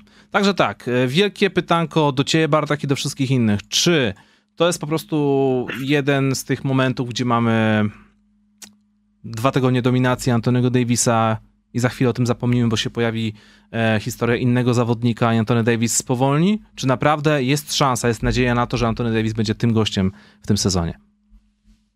Ja myślę, że jeśli coś ma to przerwać, to nie historia innego zawodnika, tylko kontuzja. Okej. Okay. To w takim razie co? Przejdźmy sobie teraz do y, donate'ów. Tylko jeszcze zanim, zanim jeszcze donate, jest taka jedna ważna kwestia. E, zamieściłem właśnie informację dzisiaj na Insta Stories, ponieważ e, z lekkim opóźnieniem, ale, ale ruszamy z aplikacją Wiseby. Ja już to wielokrotnie wam to opis, opisywałem na studio że jest to taki jakby TikTok, ale w wersji edukacyjnej z quizami. Ja tam będę robić quizy e, poświęcone koszykówce NBA i jutro w południe, czyli o godzinie 12 na aplikacji Wiseby zostanie uruchomiony specjalny turniej, do którego wstęp jest oczywiście darmowy, wystarczy aplikację zainstalować. E, i pierwsze trzy osoby, które tam najszybciej odpowiedzą na pytania w tym turnieju zgarną piłki Wilson oryginalne, autentyczne piłki Wilsona, to idealne teraz na sezon halowy, zimowy, także zapraszam serdecznie. Kto pierwszy i oczywiście kto pierwszy i w 100% poprawny, ten lepszy. Także zachęcam pobrać tę aplikację jak najszybciej, e, żeby w razie czego jutro nie było przypału, że na przykład oj, muszę założyć konto, jest 12.03, a dobra, już nie zdążę. A pytanka są proste i dotyczą finałów z 2021 roku, także będzie też o Janisie. Także wszyscy pamiętamy, prawda? Oczywiście, ja pamiętam. Super finał. Słowo kończące e, ten, ten hype, hypowany segment do Lakers. Mhm. E, za dwa dni Lakers grając w Cleveland z Cleveland, więc wiemy i wszyscy ubolewamy, że Dina Wade'a nie będzie w tym pojedynku, ponieważ po kontuzji ramienia musi puścić kilka tygodni. Ale mimo wszystko uważam, że jest to mecz do włączenia i nawet bez Dina Wade'a możemy się dobrze bawić, bo to są mecze, których LeBron nie opuszcza i w nich nie odpuszcza. A na pewno młode byczki z Cleveland mają coś do przekazania staremu dziadowi. E, jeszcze póki, póki jeszcze ekipa się nie rozpierzchła przed donatami, bo wiemy, że to czasami, to czasami tak bywa, dajcie znać na czacie, kto z was zgarnął specjalny shaker, jesteś w porządku e, od Gaminate oraz kto z was już ma zawieszony e, kalendarz e, profesjonalnego studia NBA na ścianie od WP Print, bo tak chciałem po prostu z ciekawości się dowiedzieć, e, jak to wygląda tutaj frekwencja. Ja dostałem tam... Ja dostałem privów też. Ja dostałem trochę właśnie oznaczeń, jakieś tam wiadomości, ludzie się chwalą, że już mają ten shakers, fajnie będą się, będą pić i patrzeć na siebie, że jest, są w porządku. Sympatyczne, sympatyczne. Dobrze, pierwszy donate jest od Maćka z Huty. Czyli do tego, to jest to malownicze miejsce w Krakowie. Tak. W temacie waszego ołtarzyka, dedykowany shaker, kalendarz, opaska, może klimatyzacja od klima zbytu z trybami hot like Kipi, cold like MVB. Trzeba podbić do klima, klima zbytu, w ogóle pozdrawiam. Ja dzisiaj mam na sobie koszulkę. Ja mam dzisiaj e, koszulkę Pegas, drużyny, Pegas Basketball Team, drużyny, e, której jesteśmy partnerem, bo na plecach jest nawet logo nasze. Poważnie, nie ściemniam. E, I to jest właśnie drużyna od, od, od gościa z klima zbytu, także pozdrawiamy i czekamy na specjalną wersję e, klimatyzacji. A tu jest jeszcze pytanko odnośnie Scottiego Barnesa z Toronto. Czy jest to jedno, jednoroczny wyskok i równia pochyła, czy będą z niego ludzie big pozdro? Jak myślisz, Bartek? Nie, no spokojnie, to jest 19-latek. Młodzież zawsze się w tej lidze praktycznie, jeśli się nazywa Magic Johnson, zderza ze ścianą. Niektórzy zaczynają od ściany i się dopiero od niej odbić, a niektórzy wchodzą, pokazuje nam masę potencjału, biorą to szturmem, po czym liga zaczyna traktować, o, ten zawodnik jest dobry, bierzemy go poważnie, jest scouting report, staramy się na niego przygotowywać i wtedy przewalają tą ścianę i to jest ten sezon Scottiego Barca. Dodatkowo okupiony mm, dużą nieregularnością drużyny, ponieważ nie grał dużo Siakam, najlepszy zawodnik, który zaczął sezon fenomenalnie i na pewno dużo odciążał Scottiego, plus brak rozgrywającego wciąż nierozwiązany, plus to, że sam Scotty nie jest najzdrowszy, więc dajcie mu czas. Dajcie mu czas. Czarek Browarek mówi nam, bardzo lubię rzuty wolne Janisa, są jak reklamy na Polsacie. Można się przy nich odprężyć, zrelaksować, co chwilę oderwać od meczu i filmu, a nawet skoczyć po piwko do sąsiedniego województwa. Pozdrawiam. Bardzo, bardzo malownicze przedstawienie tego, jak jak bogatym doświadczeniem jest oglądanie rzutów wolnych Janisa. E, jeśli lubicie wszelkie jakieś przeróbki, animacje takie śmieszkowe, to polecam na Bleacher Report Hero Ball, gdzie w jednym z odcinków właśnie Janis jest przedstawiony w taki sposób e, w wersji anime, ale, ale jest tam odniesienie właśnie do tego, jak długo szykuje się do rzutów wolnych. Z Lakersami gwiznęli mu 10 sekund, nie? Pierwszy raz w tym sezonie. Tak? Musiałem Chyba w tym meczu. W tamtym tygodniu na pewno. W jednym, raz, mu już, raz mu już gwiznęli 10 sekund na linii rzutów wolnych, więc... Here we go again. Jolan is the GOAT. Pozdrawiam serdecznie. Siema, chciałbym was dzisiaj prosić o ułożenie top 5 duetów w lidze według studia. Oczywiście e, na ten moment. Nie chodzi mi o pary, które najczęściej ze sobą grają, jak kiedyś Stockton i Malone, ale o pary, które są najgroźniejsze dla przeciwników. Pozdro. To co, Draymond Green, Jordan Poole? Tak? Są groźni. Je, jeszcze raz pytanie? Eee, top 5 duetów w lidze na ten moment. Tak, Paul Green zdecydowanie. Paul Green. E, Ball, Ball, Franz Wagner. Grayson Allen, Bobby Portis. E, Mike Conley, Laurie Markkanen, albo Laurie Markkanen, Kelly Olinik. Ej, Grayson Allen, Bobby Portis. To, to jest naprawdę bardzo groźne duo. A dostaniemy tego więcej, bo Allen poszedł na ławkę. Mhm. Póki co, jak wrócił Chris, więc, yy, więc może tak. E, Russell Westbrook, Thomas Bryant. Nie? To, to wcześniej. Austin Reeves, Anthony Davis. Okej. Okay. Dejante Murray i AJ Griffin. O, o Dwa mecze wygrane bez Trae Younga, oba przejęte przez Mareya, oba, oba świetnie pociągnięte też przez tego, tego młodego. No i Milton Melton. Już musiałem przygotować Milton Melton. Mamy nadzieję, że taka odpowiedź jest satysfakcjonująca. Pozdrawiam cię serdecznie, Łukasz. Dzięki wielkie, fajnie, że jesteś z nami i naprawdę bardzo dziękujemy też za ogarnianie czatu, moderowanie, całe zaangażowanie, wszystkich w ogóle tutaj moderatorów pozdrawiam. Jesteście, jesteście w porze. Kolejny donate. Pan Broku, pokój temu streamowi. Który All-Star lub gracz ocierający się o All-Star najbardziej pasowałby do Shai Gilgis Aleksandra? Są szybkie pytania, więc e, to było pierwsze. Jaki All-Star lub ocierający poziom All-Star pasowałby do Shaya? Czekaj, się tutaj coś zacięło, muszę to naprawić. Hmm. Takich próbuję nieoczywistych sobie e, tutaj wyrzucić. Myślę o Pascalu Siekamie. Idealne uzupełnienie pozycji. Taki trochę właśnie Lillard Grant A- duet. A nie lepiej dać mu właśnie jakiegoś takiego szczytówego z trójką? W razie czego? A, no to kogo masz na myśli? Higana Mareya oczywiście. No, na przykład Dina Wade'a. Dina Wade'a to nie, bo to za łatwe jest, to równie dobrze możesz powiedzieć. Stefana Karego, to wiesz. Dobra, e, może ale to- patrzymy na, patrzymy, patrzymy na All-Starów, tak? E, No, Pocierający Ocierający się poziom All-Star. Jalen A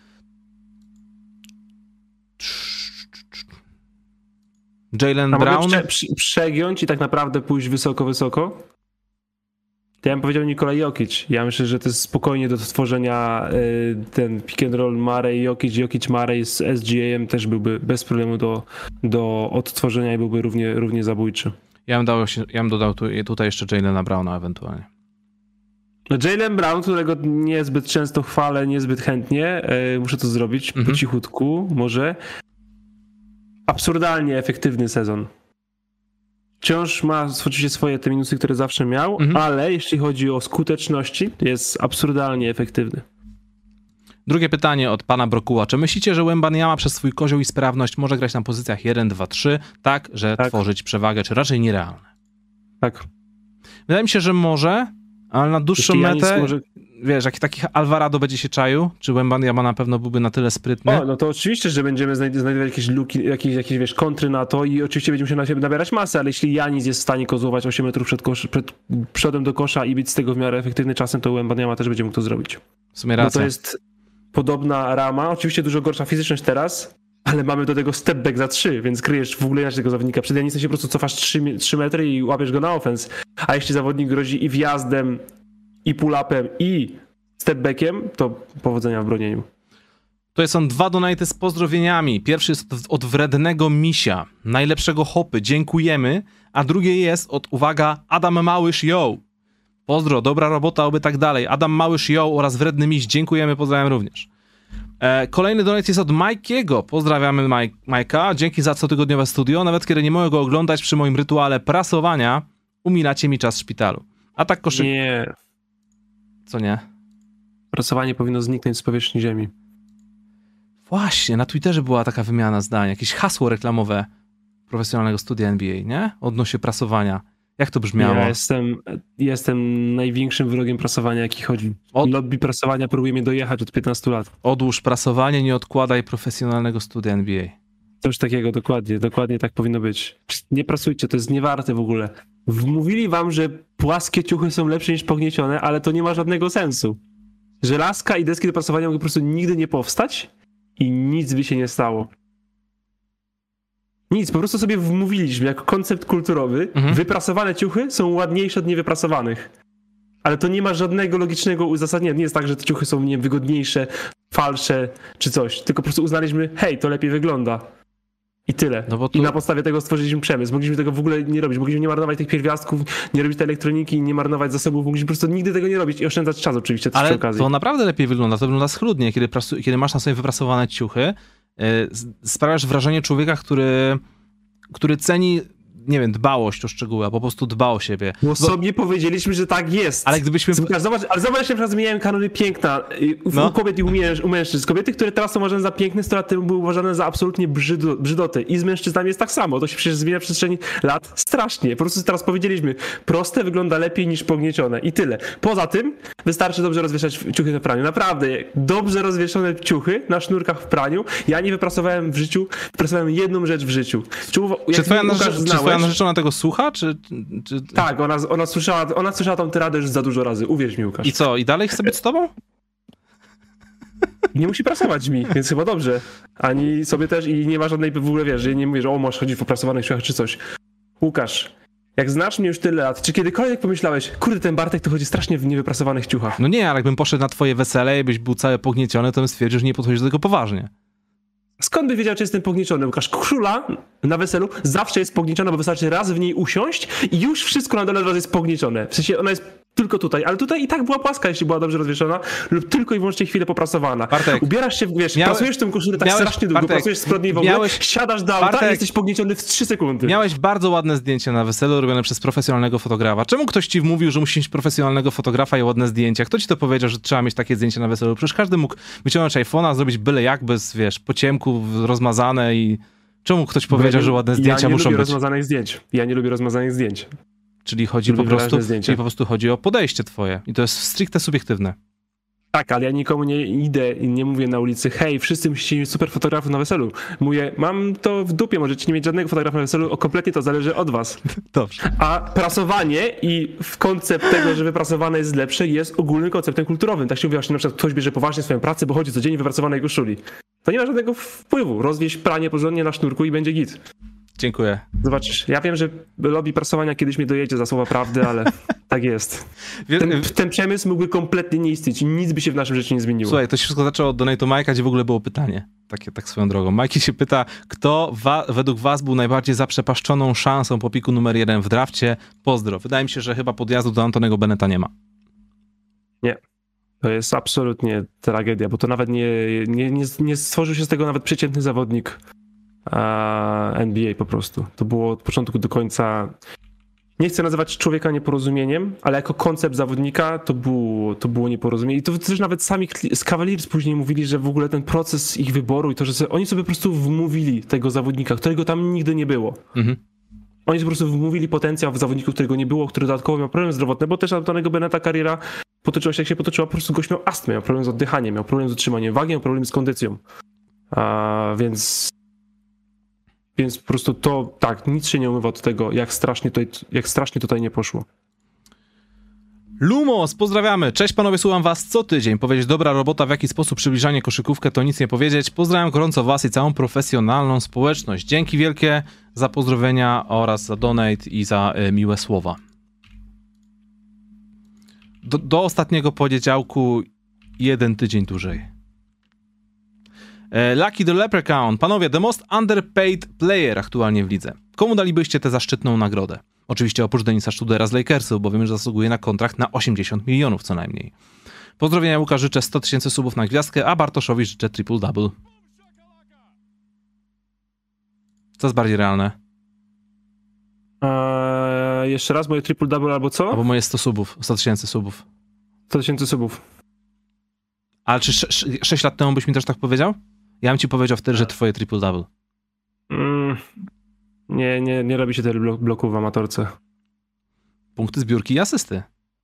No, Łukasz, nie robi się tyle punktów. Dobrze. Em, kto jest najbardziej underpaid zawodnikiem w lidze na ten moment? Jak patrzysz na przykład na takich gości, nie wiem, ile, ile z Pelicans? y, Alvarado chyba tam ma opcję, y, jakąś tam qualifying offer za 5 baniek? Nie, Alvarado jest 1,78 miliona A, chyba. to widzisz, to w ogóle. Tak, Alvarado to jest właśnie taki typ zawodnika. No. Austin Reeves? Desmond Bain, czekaj, jaki on ma kontrakt. No Desmond Bain to za chwilę chyba, chyba już będzie mieć duże pieniądze, o ile już ich nie ma. Nie, jeszcze, Jeszcze nie. nie. Desmond Bain jest 370 najlepiej opłacanym zawodnikiem w lidze, zarabia 2,1 miliona dolarów. Okej. Desmond Bain. A, więc Bain, Alvarado. E, Oklahoma przedłużyła tych wszystkich swoich zawodników za małe pieniądze. E, jednym z bardzo niedopłaconych zawodników jest y, twój All-Star z twojej drużyny, który gra już w Atlancie Hawks, Mhm. czyli 16,5 miliona dla Dejante Mareja. To to jest bardzo niedopłacony zawodnik, który nie przedłuży kontraktu tylko dlatego właśnie, że ten nie ma żadnego sensu dla niego, on po prostu musi pójść na, wol, na, na, na wolną agenturę, a po maksa i tego maksa dostanie. Mhm. E, Wodjack, pozdrawiamy. Witam panowie, za dwa tygodnie wracam do Polski po roku w Stanach. Czy ktoś chce jakieś gadżety związane z NBA? Koszulka treningowa Lakersów za 7 dolarów to styl większy niż Janis z 15 pikiem. Go New York. E, dziękuję bardzo. Jakby co, jeśli jesteś z Nowego Jorku, tam byłeś, to kup mi proszę koszulkę Zajana Williamsona. E, Kubu Carmelo z Atlanty. też, to też. Takie, takie rzeczy na pewno można gdzieś w targu znaleźć. Kurczę, ale w sumie to fajnie byłoby dorwać takie coś fajnego ze Stanów. Powiem ci, jak ja zobaczyłem cenę e, koszulki Sohana e, z, z, z City Edition San Antonio Spurs, te fajne, kolorowe takie, z przesyłką, Ta koszulka kosztowała chyba prawie 700, jeśli nie więcej. Ojej, Kosmos jakiś. To jest... normalny trykot kosztuje 400 ileś tam złotych na, po przeliczeniu. No, masakra. Ale kupić sobie koszulkę treningową Lakersów i udawać, że się jest Austinem Reevesem czy coś. Wszyscy może być ostatnim Reevesem. Ale wątpię, I że ktokolwiek z nas wykręci taki offensive rating, jak Austin Reeves wykręca w tej drużynie. To prawda. E, Dawid nam wysłał też donate. Pozdrawiamy. Czy Kipi, wybrałeś czy już jaki napis będzie widniał na twoim przycisku, który niewątpliwie otrzymasz od YouTube'a? Super program, pozdro z Brzeska. Pozdrawiam Brzesko, pozdrawiam ciebie Dawid. E, są dwa Brzeska chyba, nie? Czy jedno Brzesko? Bo jedno Brzesko jest właśnie tam w Małopolsce. Jest, yy, tak, i to, a to jakie jest inne Brzesko? No właśnie nie wiem, kojarzy mi się, że są dwa. W każdym razie, jeśli chodzi o to z Małopolski, ja tam na turnieje jeździłem i, i to były fajne czasy, także super, pozdrawiamy. A napis na przycisku? W sensie na te za, y, tam jakiś napis można zrobić, jak dostanę ten srebrny przycisk? Myślałem, że po prostu będzie napisane, nie wiem, keep the beat i to wszystko, nie? Widzę, że Łukasz, że bardzo poważnie do tego podchodzisz. Tak. Taki jestem. E, Nowiczek, pozdrawiamy, siemanko profesjonaliści, wielkie dzięki za przepiękny kalendarz. O, no i mamy, mamy tutaj zdobywcę. Szybkie, szybkie paluszki musiał mieć, żeby zdobyć, być jedną z tych 40 osób. Gratulacje. Kipi, mam pytanie do ciebie. Nie myślałeś, żeby robić swoje gadżety, koszulki, kubki? Tak, myślałem od trzech lat i do tej pory nie, nie kiwnąłem palcem, żeby to zrobić. Więc fajnie, że takie firmy jak WP Print czy Gaminate sami wyszli z inicjatywą, żeby zrobić shakery i kalendarze. Zobaczymy, no może w następnym roku w końcu coś z tym ruszymy. E, a koszykarsko, jak myślicie, czy Westbrook zostanie wymieniony? Pozdrowienia i dużo zdrowia dla was. Jak patrzymy na to, co robi teraz Westbrook, to owszem, jest, gość, jest chyba najdroższym rezerwowym w sezonie, ale mimo wszystko nie, nie, nie wygląda to aż tak tragicznie. Ja nie sądzę, że był wymieniony i to nawet nie chodzi o jego grę. Ja myślę, że oni, Lakers bardzo chętnie wymieniliby Westbrooka na lepszego zawodnika, albo nawet rozmienić go na dwóch zawodników, ale nie chcą oddawać piku za 7 lat, żeby przyjąć kontrakty, które wychodzą poza ten sezon. A większość tych wariantów umów, które, czy kontraktów, które Lakers mają przyjąć, czy ci zawodnicy z, z Pelik, nie z Pelicans, tylko z Indiany, czy nawet ci z San Antonio, których raczej w sumie to Lakersi nie chcą, czy z Utah, któryś z nich zawsze ma kontrakt powyżej tego sezonu, a jeśli Lakers nie zrobią nic, to będą mieli maksymalny slot w to lato. Po Mhm. prostu. Maksymalny slot w to lato i mieć oba piki w kieszeni, to lepiej niż wymienić Westbrooka, nie być dalej, nie być dalej kontenderem i mieć jakieś 14 milionów do wydania latem. Racja. Jesteś Los Angeles, masz szansę sprowadzić supergwiazdę, jeśli tylko taka pojawi się na rynku. Ściągnęli LeBrona Jamesa, mając najgorszą drużynę w ciągu ostatnich pięciu lat przed tym, przed tym punktem, więc lepiej mieć maksymalny slot. Jeśli byłby zawodnik do wzięcia, niska cena, schodzący kontrakt, to tak, ale takich zawodników nie ma. Jak zawodnicy byli, na, tacy zawodnicy byliby do wzięcia, to już by po nich stali, wiesz, Miami Heat, Phoenix Suns a, i, inne bardzo dobre do kontenderzy drużyny tej ligi. Peter from Scotland. Pozdrawiamy. Wyżej na koniec sezonu Lakers czy Dallas? Dallas. E, na koniec sezonu w playoffach, czy na koniec sezonu regularnego? Regularnego. Bo Dallas wygląda bardzo źle ostatnich meczach. Naprawdę bardzo źle, mimo tego, że ich ataki obrona wciąż są statystycznie całkiem niezłe. Jedna i druga, to no coś tam się musi zmienić. I to coś to może być po prostu 10% skuteczności Reggie'ego Bullocka, Tima Hardaway Jr. Dokładnie. i Dorian Finney-Smitha. I to już zmieniłoby się pewnie z bilansu 4-6 w 10 Gadaliśmy- meczach na 7-3. Gadaliśmy to, o tym e, podczas gdy były playoffy. Wtedy właśnie Reggie Bullock miał pas, świetną pasję, za, pasję, świetną pasę rzutów za trzy punkty. Dorian Finney-Smith tam dołożył swoje, więc wszystko się może zdarzyć. Ja traktuję ich jako drużynę, która jest w dołku. Po prostu. Było w ostatnim podcaście, czy przy ostatnim podcaście u Zakaloły właśnie e, był właśnie gość, który wypowiada się w sprawie Dallas i generalnie Dallas jest zbudowany tak. Luka, shooting i obrona. Tylko, że shootingu nie ma w tym sezonie. No Mhm. więc koncept nie działa, no bo to jest koncept. Luka Tak. działa, obrona też nie jest taka, jaka była, ale już się poprawia, już jest top 10. Ale trzecim niezbędnym komponentem tego składu jest shooting, więc jak shootingu nie ma, to je wszystko leży i tak to właśnie wygląda, ponieważ nie trafiają rzutów. Zaczną trafiać rzuty, to po prostu wskoczą do szóstki w moment. E, dalej. Hit czy Nets? Hmm, Miami Heat. Ja myślę, że Miami Heat mają w sobie ruch, e, który, który, który się wydarzy. Ja w sumie trochę czekam. Mam nadzieję, że to będzie dobry ruch dla wszystkich. To znaczy, że to będzie po prostu trójstronna wymiana Phoenix, Miami i ktoś. Mhm. i Miami dostaje Jay Crowdera. Phoenix dostaje kogoś od tej trzeciej drużyny, a ta trzecia drużyna dostaje draft, piki i, i jakieś pomniejsze kontrakty.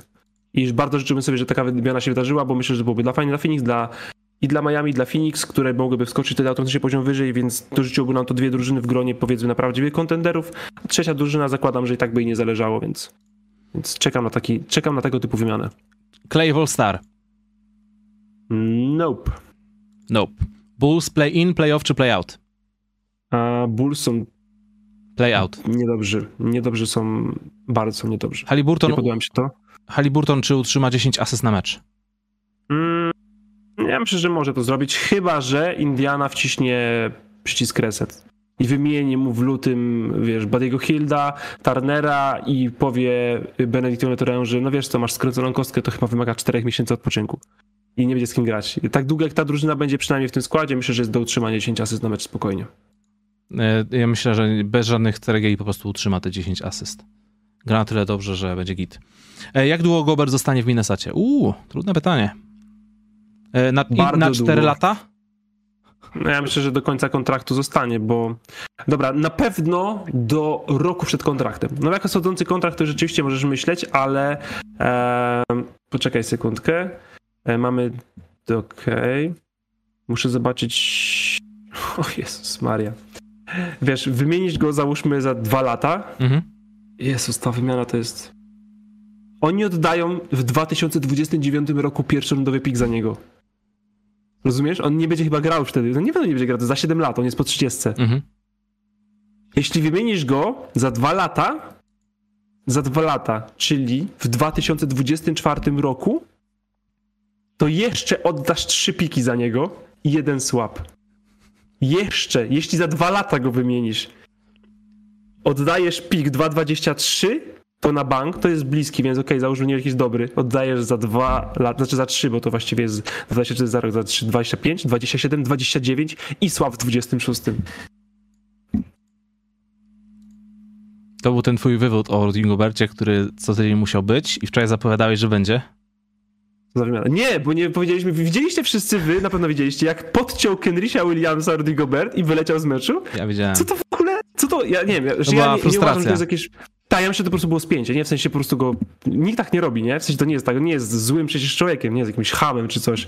Ja myślę, że jest dużo frustracji w nim przez to, że jak to wygląda i jak y, jest mu brak szacunku okazywany, bo to wyglądało to na jak spięcie, bo to był odpał, w sensie to jak LeBron James walący Isaiah Stewarda, tylko że wiadomo, że kaliber graczy nie pozwoli nam tego tak wtedy omówić, ale to było w ogóle, wiesz, no to wszyscy to widzą, nie, to, co tu się może wydarzyć? Latujesz z meczu po prostu i jesteś komentowany później raczej ze złej strony.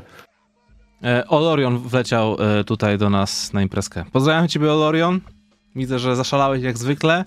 E, poczekaj kulturalnie na swoją kolej. ale, fajnie, ale, ale fajnie, że jesteś. Tak jest. E, jeszcze tutaj są dwa szybkie pytania od Peter from Scotland, bo to jest cały czas ten sam donate. Czy Spurs przekroczą 20 zwycięstw? Jak tak patrzę na ich tempo na ten moment, to obawiam się, że może być z tym problem. Jest 6 do 18. Mm, myślę, że tak. Raczej się to, raczej się to dzieje. W sensie E, przed sezonem Eee. typowałem na 20 zwycięstw, po, powyżej 20, ale teraz już nie jestem tego taki pewny. Bo teraz tankują. No. Bo teraz naprawdę tankują. A, ale sprawdźmy to sobie e, naukowym podejściem. E, w poprzednim sezonie nie przekroczyły 20 zwycięstw Houston Rockets tylko i wyłącznie 17. Mhm. Wszyscy, Detroit nawet zapało 20 zwycięstw, czyli generalnie mało się to zdarza. Sezon wcześniej e, tankujący masakrycznie Golden State Warriors, Minnesota 19 zwycięstw, Cleveland 19 zwycięstw, więc trzy drużyny, ale wiesz, dwie zrobiły to zwycięstwo, a San Antonio mają kilka nadprogramowych zwycięstw z początku. Mhm. Cofamy się jeszcze rok, znowu trzy drużyny nie zrobiły. Okej. Czy musieli być po prostu najgorszą drużyną w lidze, albo takie wiesz, na przestrzeni meczu najgorszą drużyną w lidze. Na zachodzie już są ostatni, ale Houston to jest takie zamieszanie. Orlando, Charlotte spada.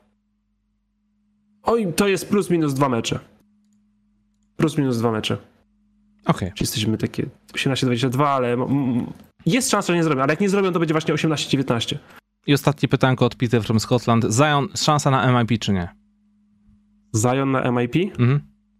A nie jest tak, że Zion jak był zdrowy ostatnio, to był na poziomie top 10 ligi, więc Czyli, czyli zrobić MIP, to musi być MVP? odpada.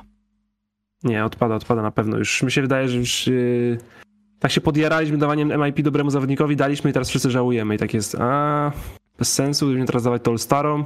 To była jedyna nagroda, którą mogliśmy dawać nie All-Starom. Więc myślę, że myślę, że spokojnie. Bol Bol na to nie pozwoli. Łukasz AD plus LeBron James równa się dwa rings. Taki się podpisał właśnie Łukasz. Los Angeles Lakers vs Boston Celtics, finały NBA 2023. Profesjonalne studio jutro z odsłuchu. Wracam na drugą połowę Brazylii z Koreą. Go Clippers. Tutaj jest Dużo, dużo się działo. Dużo, dużo się działo tutaj, ale widzę, że właśnie fan sportu e, nie tylko w wielu drużyn, ale też e, wielu dyscyplin. Pozdrawiam serdecznie. Właśnie, czy to jest moment, w którym mamy nasze cotygodniowe dwa zdania o mundialu? E, To jest moment, w którym podajemy twarde dane na temat finałów Lakers-Boston, bo ostatnio zrzucił dzisiaj Nic mnie statystykę to nie oczywiście na, Dobra, na fali tego hypu, No. że jest porównanie łącznych statystyk, znaczy na mecz, ale Anthony Davis plus LeBron James i Jason Tatum plus Jalen Brown. E, I Brown i Tatum mają trzy punkty na mecz więcej, ale wszystkie pozostałe staty- statystyki, czyli tam cztery bloki, e, steal, asysty, zbiórki, Lakersi mają lepsze, więc Lakers wygrywają finał 4 do 2 confirmed. To twarde dane. Ja chciałem tylko po, pochwalić się, że widziałem ostatnio w całości e, mecz piłki nożnej Polska-Argentyna. Nie, wczoraj tylko to był jeden mecz, także o Francję nie pytajcie, nie interesuje mnie. To jest chyba najgorszy mecz, który mogłeś zobaczyć z Tak, tego, wiem. I e, jedną rzecz, e, nie znam się na piłce nożnej, ale gdybym kiedykolwiek grał w piłkę nożną, to e, oddałbym wszystko za możliwość gry z Wojciechem Szczęsnym, bo Szczęsny jest takim kozakiem. Patrz, jak patrzyłem na to, co on robi, to miałem wrażenie, że on jako jedyny trzyma tę drużynę w ryzach. Gdyby nie on, to byśmy przegrali 10 do 0. On tam z 20 piłek obronił, dwie przepuścił, ale dwie na, dwie na 22. Tak to wyglądało przynajmniej w moim odczuciu i naprawdę super to wyglądało. Jeszcze jak, jak obronił tego Karnera na... Me- ka, Karnera. Cornera. Karnego, Karnego, Karnego na Messi to już w ogóle, ja, to, ja się nawet wydarłem. Gość, który ma gdzieś piłkę nożną, nie? Także szczęsny, jesteś kozakiem. Szacunek. Złamałeś się, Łukasz. No, byłem na imprezie dla starych ludzi. Takie wiesz. Winko, sałatka jarzynowa i piłka nożna na telewizorze. Winko i sałatka jarzynowa, to powiedziałem ryzykownie. No, a czwartek był nie do życia, no. Kolejny donet jest od Fana Mavs. Szybki donecik ode mnie, sparamy na drugą połowę Brazylia, Korea Południowa. Obiecuję, że studia będzie nadrobione. Dwa takie Jest donety. 4, do- jest 4, 4 do 0 było w 40 minucie. Czemu to oglądać? To prawda. To tak jak w wczorajszym meczu Suns versus Spurs. Tak, no to też myślę, że był mecz nie do oglądania, jak się zrobiło plus 30 w drugiej kwarcie. Um, Andre Iguanadala. Iguanadala. Witam serdecznie. Top 3 Chrisów w historii musi zagrać z top 3 Kevinami. Kto gra i kto prawdopodobnie, gra, kto gra i kto prawdopodobnie wygrywa. Pozdrawiam i kolorowych snów. PS, obejrzyjcie sobie Midnight Gospel, jeśli do tej pory tego nie zrobiliście. Najlepsza animacja czasów Boczaka. Słyszałem o tej animacji i muszę to nadrobić. Dzięki za przypomnienie, wpisuję sobie w kajet. Top 3 Chrisów, top 3 Kevinów. Top 3 Chrisów. Chris Paul, Chris Webber, Chris Bosch. Chyba, że Chris Mullin kogoś wygryza, jeśli chcemy skrzydłowego. Z tej trójki nie. Okej, no to Chris Paul, Chris Webber, Chris Bosch. I top 3 Kevinów, tak? Tak. Nie no, bez przesady. Garnett, Durant, McHale. No, ciężko. Dziękuję. Koniec. Dobra. No, E, niestety. Musimy wymyślić lepsze. y, AD, Aha. kolejny donate. E, Siemka, od 3-4 lat oglądam każdy wasz program oraz każdy filmik, ale przez ostatnie miesiące mam wrażenie, jakbyś Kipi stracił wenę, robił to na siłę.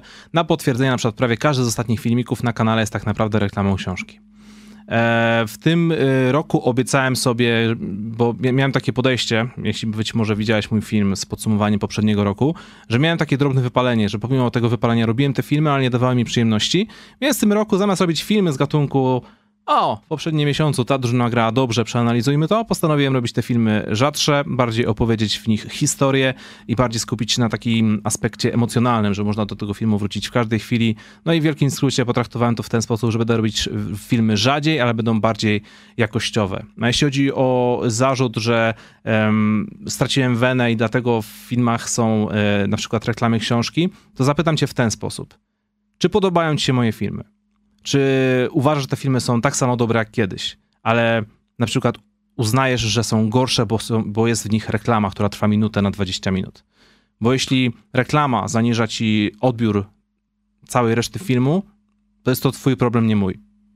Ponieważ robię to samo, co robiłem kiedyś, tylko teraz w dodatku dostaję za to wynagrodzenie, bo zostałem zauważony, że robię coś dobrego. Że robię coś w dobry sposób. Także to jest, tak, tak to podchodzę w ten sposób i, i, i tyle. YouTube to moja praca. Jeśli mogę dodać coś, mhm. to reklamy na materiałach wideo zawsze można przywinąć. Z czaką w prawo. Bardzo łatwe to jest, łatwiejsze niż e, zdjęciowe, które ci wklikują się w coś. Są dwa rodzaje opłacania takich materiałów. Jeden to są właśnie abonamenty, dwa to są po prostu reklamy w środku, więc tutaj jest tak, bo dzięki temu treści wszystkie są za darmo, kanał zawsze był za darmo, mhm. a raczej się nic w tym, y, w, tym, w tym nie zmienia. A ostatnia rzecz, jeśli chodzi już o reklamy książek, jak już mamy coś reklamować, to chyba spoko, że książki, w sensie, czy mamy za dużo reklam książek na świecie? Nie, wydaje mi się. No. Cieszmy się, że nie, nie reklamuję piramid finansowych i obrazków NFT, żeby was oskubać z hajsu. Jak to robi połowa polskich influencerów. Lecimy dalej. Albo alkoholu, co jest nielegalne. Ej, reklamy alkoholu w internecie są nielegalne, pamiętajcie. Tak, są reklamy alkoholu w internecie nielegalne, ale jeśli się lekko uchylę w ten sposób, to tutaj za... Nie, nie rozpoznacie tego. Nie rozpoznacie tego. Ale generalnie w ostatnim czasie pewien napój wyskokowy, dość mocno promowany przez NBA, wydał kolekcję z logiem NBA i nie mogłem się powstrzymać, sobie zamówiłem. Także Bartek, zapraszam do mnie na degustację. AD is the GOAT, kolejny donate. Panowie, słaby dzień dzisiaj mam. Zawsze słucham wersji podcastowej, ale dzisiaj dołączyłem na żywo humor gituwa. Piątka dla każdego z was, zatem łącznie dyszka. Dzięki wielkie, pozdrawiamy serdecznie, bardzo miło. I że, mamy nadzieję, że, że utrzymamy ten, ten, ten dobry humor bardziej. Dziękujemy. Krycha, moja pierwsza darowizna, słucham regularnie, robicie świetną robotę, od 3-4 lat śledzę na bieżąco NBA i zajawka pozostanie. Fajnie, że jest ktoś, kto może wprowadzić do tego świata, róbcie to, co robicie, pamiętajcie, jesteście w porządku. Również dziękujemy, piąteczka. Kolejny donek to Philodendrona, ciężary w korpo, ale przynajmniej dzisiaj studio, czyli kolejny przesył y, pozytywnych wibracji. Dziękujemy pięknie za taką serię. E, Story of my life ostatnich kilku tygodni. Ale już jesteś przy końcu. Zaraz się jestem unormuje. Już, już jestem na fali e, schodzącej. Już, już, już powoli zaczynam odczuwać poprawę. Jeszcze nie mogę totalnie, wiesz, odpuścić, wiadomo, ale czuję już dużo większy komfort psychiczny, więc. E, I już są konkretne efekty tego, jeśli możemy już przejść do polecajek, znaczy nie do polecajek, bo wszyscy to już dawno widzieliście, ale skończyłem Redeem Team.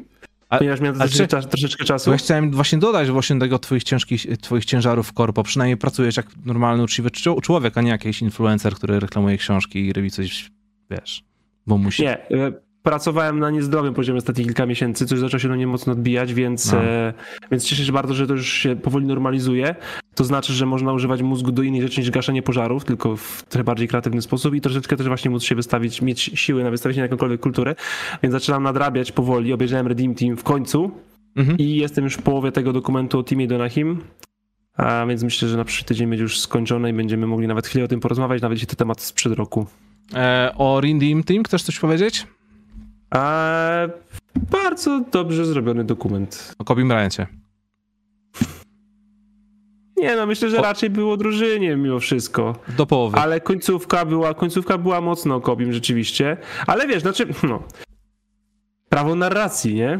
Prowadzić narrację to możesz sobie poprowadzić jak chcesz. No i Oczywiście. Narracja tego dokumentu była prowadzona w taki sposób, że ta drużyna już była zebrana, było super, ale dostali w papę, dorzucili Kobiego i już byliśmy za górką. I się zaczęło, tak, i się zaczęło, no. no prowadzono tak tą narrację i tak ona rzeczywiście wyszła. Eee... Wiesz co, no dobra, ja jestem fanem Kobiego, więc oczywiście oczywiście możecie sobie wszystko to, co mówię, podzielić, e, znaczy no, obciąć o jedną trzecią, bo jestem fanem Kobiego i zawsze byłem. Mhm.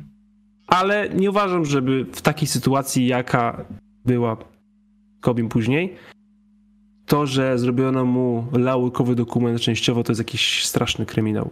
W sensie można obejrzeć ten film i się naprawdę dowiedzieć historii drużyny i z grubsza jak te igrzyska przebiegały. Plus mieć bardzo ładną laurkę zostawioną, ale nie jest tak, że może, że, że ktoś, kto, kto nienawidzi Kawiego, to obejrzy ten, ten dokument i powie na koniec, kurczę, nie chciałem w ogóle o Kobim e, i nic się nie dowiedziałem innego, tylko o Kobim. Zostałem tak. oszukany. Tak. Dokładnie i pom, wiesz, pomstuje do nieba. Ja powiem ci, że ja, Wciąż można było dowiedzieć się z tego. Ja powiem ci, że właśnie chciałbym robić takie filmy w stylu właśnie jak Redeem Team nie jakieś tam analizatorskie opowieści YouTube'owe, coś tam, tylko wiesz, przedstawiasz opowieść, układasz to w ładne zdanie, dajesz tutaj chwytliwą muzykę, grasz na emocjach, narracja, ten. kurczę, ten ostatni moment, y, ostatnie sceny z, z, tego filmu Redeem Team, jak już tam Kobe po zwycięskim meczu, wiesz, idzie, idzie do swojej żony, idzie do swoich córek, tam muzyczka gra i w ogóle. Niby chciałem sobie obejrzeć film o Redeem Team, a nagle tutaj przypominam sobie o, o tragicznie zmarłym y, Kobim i wiesz, i oczka się już zaszkliły, nie? To jest gra na emocjach, ale to, to działa, nie? Takie, w takie rzeczy się chce oglądać. Wiesz co, eee, wspominałem ci o Maxie kilka razy. Jest Max, jest jeden z naszych widzów, e, dość młodych, jest, jest, jest synem przyjaciółki Natalii. Mieliśmy się ostatnio okazję spotkać, e, byliśmy razem na naszym, no, był na naszym meczu amatorki, coś tam potem gadaliśmy, bo jest strasznie zajarany koszykówką i zastanawiam się skąd chłopak e, z powiedzmy niewielkich miast w Polsce skąd mógł się, skąd wzięła się jego zajawka koszykówką. E, I z takich właśnie filmów, które powiedzmy my sobie czasem krytykujemy albo uważamy, a to już nie to co kiedyś. Mhm. Wiesz, co wzbudziło zainteresowanie Maxa koszykówką? No. Cholerny Space Jam 2. Czyli dokładnie to, co Space Jam powinien robić. Czyli to, co dokładnie powinien robić w grupie wiekowej, której powinien to robić, a nie powinien się podobać nam 30-latkom. Dokładnie. Więc rewelacja, super, brawo. Jakbym teraz mógł przybić komuś piątkę, kto zrobił ten film, to dokładnie to zrobił. Zrobiliście dobrą robotę. Jeśli jesteście w stanie ośmiolatka przekonać do koszykówki, chodziło tylko o ten, o ten impuls, o tą iskrę, żeby zacząć, bo jak już zaczął, wiesz, gra w Tukeja, czyta książki, wiesz, ogląda mecze, chodzi na, na, na, na, na zajęcia, jara się strasznie, nie? Chodziło tylko o tą iskrę, którą dał Space Jam 2. A Space Jam 2, który, wiesz, 40, 50, 30-latkowie na Twitterze o Jezu, Jezu pamiętam jakie to było żałosne. Wszędzie na Twitterze wylewały mi się komentarze, politycy komentujący, że Lola Bany już nie jest seksowna. Chłopie, co ty masz w głowie, nie? Dobra, e, lecimy dalej. Max, Pozdrawiam cię serdecznie, koszykówka jest super, niech to się utrzyma i miejmy nadzieję, że e, jak najdłużej trzymaj się od wszelakich grup facebookowych o, o koszykówce, bo możesz, możesz się zniechęcić. Kolejny donate jest od e, Filipa. Pozdrawiam serdecznie. Hejka, a może transfer Westbrooka za paczkę roleplayers z Dallas? Raz rozwiąże problem braku wsparcia w ball handlingu dla Luki, a trzech solidnych rezerwowych wzmocni rotacji Lakers. Kontrakty bez problemu się zepną. Kogo włączylibyście w ten trade? Nie jestem pewny, czy ży życzyłbym tego Donciciowi. Szczerze mówiąc, tym bardziej, że jeśli oddamy trzech e, poprawnych roleplayerów w zamian za jednego Russella Westbrooka, to się nagle może okazać, że w Dallas już nie ma kompletnie żadnej głębi. Gramy w siedmiu. I tym, a, a już w ogóle nie ma shootingu. Um, a obrona no, też dostaje mocno po dupie, więc, więc to nie jest dobry deal. Jakby to było Nowy Jork albo Miami i byłby to ruch ze strony Dallas, bo ten ruch ze strony Dallas miałby sens nie dlatego, że hej, poprawiamy sobie głębię składu na na pozycji kozujących, tylko robimy sobie miejsce w salary. No bo kontrakt Westbrooka jest gigantyczny, ale jest schodzący, więc dla drużyny, sobie zrobić miejsce w salary, jest perfekcyjny. Ale czy chcę sobie oddać trzech zawodników tylko za miejsce w salary, które kiedy jesteś Dallas, to nie jest jakaś gwarancja znakomitych, udanych zakupów latem. Generalnie to jest tak, że jak są najlepsi wolni agenci, to stawia się w kolejce sześć drużyn. Jedna tylko dostaje gwiazdę, dwie przepłaca Juliusów Randlów, a pięć nie dostaje nic. Mhm. Jesteś Dallas Mavericks. Odpowiedz na pytanie, w której grupie z tych drużyn będziesz. Jeszcze jeden donate od pana Brokuła. Siema, tak mnie naszło, czy myślicie, że LeBron może być kiedyś weteranem z ławki? Czy będzie na to za dobry, albo ego mu na to nie pozwoli i będzie wolał iść na, emeryturze, na emeryturę? E, wydaje mi się, że wychodzenie z ławki nie byłoby problematyczne dla LeBrona Jamesa, ale bardziej bym się tutaj zastanawiał nad tym, że jak już masz 20 sezonów w nogach e, i za rok czy za dwa dostałbyś po prostu musiałbyś wychodzić z ławki, chociażby ze względów zdrowotnych, to czy na pewno chcesz się jeszcze z tym męczyć? Taki na przykład Dirk Nowicki e, chwilę temu e, wspominał, że bardzo żałuje, że nie skończył kariery dwa lata wcześniej, bo teraz nawet nie jest w stanie z dzieciakami sobie pokopać piłki, bo tak go po prostu wszystko naparza. Że zdecydowanie za późno skończył, skończył tę grę i ciało po prostu nie domaga teraz na starość. Taką wczesną starość mimo wszystko, bądź co bądź, prawda? Więc nie wiem, ja na miejscu Lebrona chyba dałbym sobie z tym spokój, żeby nie cisnąć na maksa do czasu, w którym nie będę mógł się ruszać. Ciężko mi sobie wyobrazić Lebrona wchodzącego z ławki. Ciężko mi sobie, ciężko mi sobie po prostu zamknąć oczy i to zauważyć. Kim musiałby być zawodnik, za którego LeBron James wchodzi? W sensie to nie może być przecież jakiś ex-gwiazda. W sensie, nie, wiesz, LeBron James nie wyjdzie z ławki za Kevinem Durantem. Mhm. Nie ma opcji. LeBron James też nie wyjdzie z ławki za Francem cholera Wagnerem. To też się nie wydarzy. Mhm. Więc nie potrafię sobie tego. Mm, może moje ograniczenia w kreatywności są zbyt duże. E, nie potrafię sobie po prostu tego naocznić. Nie, nie, nie, nie wiem, jak to miało wyglądać. Nie wydaje mi się. Ostatni donate na dziś jest od Oloriona. Dziękujemy bardzo za e, gruby prezent mikołajkowy. Pozdrówki Olorion. Pięknie się ogląda, jak AD przywrócił wiarę w Lakersów u Bartka. Mam nadzieję, że to jego nowy standard. Wspaniała sprawa, gdy człowiek wykorzystuje swój potencjał i tego wszystkiego wam życzę. O, dzięki za w porządku studio i wszystkiego dobrego. Bardzo życzliwy donate. Wszyscy wykorzy- nie... wykorzystujemy swój potencjał, wszyscy powinni wykorzystywać swój potencjał. Nie, nie powinno być żadnych ograniczeń. Jeśli jesteś dobry, to rób to e, bezproblemowo. Tak, ale rzeczywiście tak sobie teraz pomyślałem, jak przeczytać ten donate, że tak rzeczowo łamany przez pozytywnie o Lakers, to nie wiem od kiedy nie było. Chyba od tego lata, gdzie pozyskali Schroedera i Montreza Harela. Tak. Wtedy było pozytywnie, ale potem?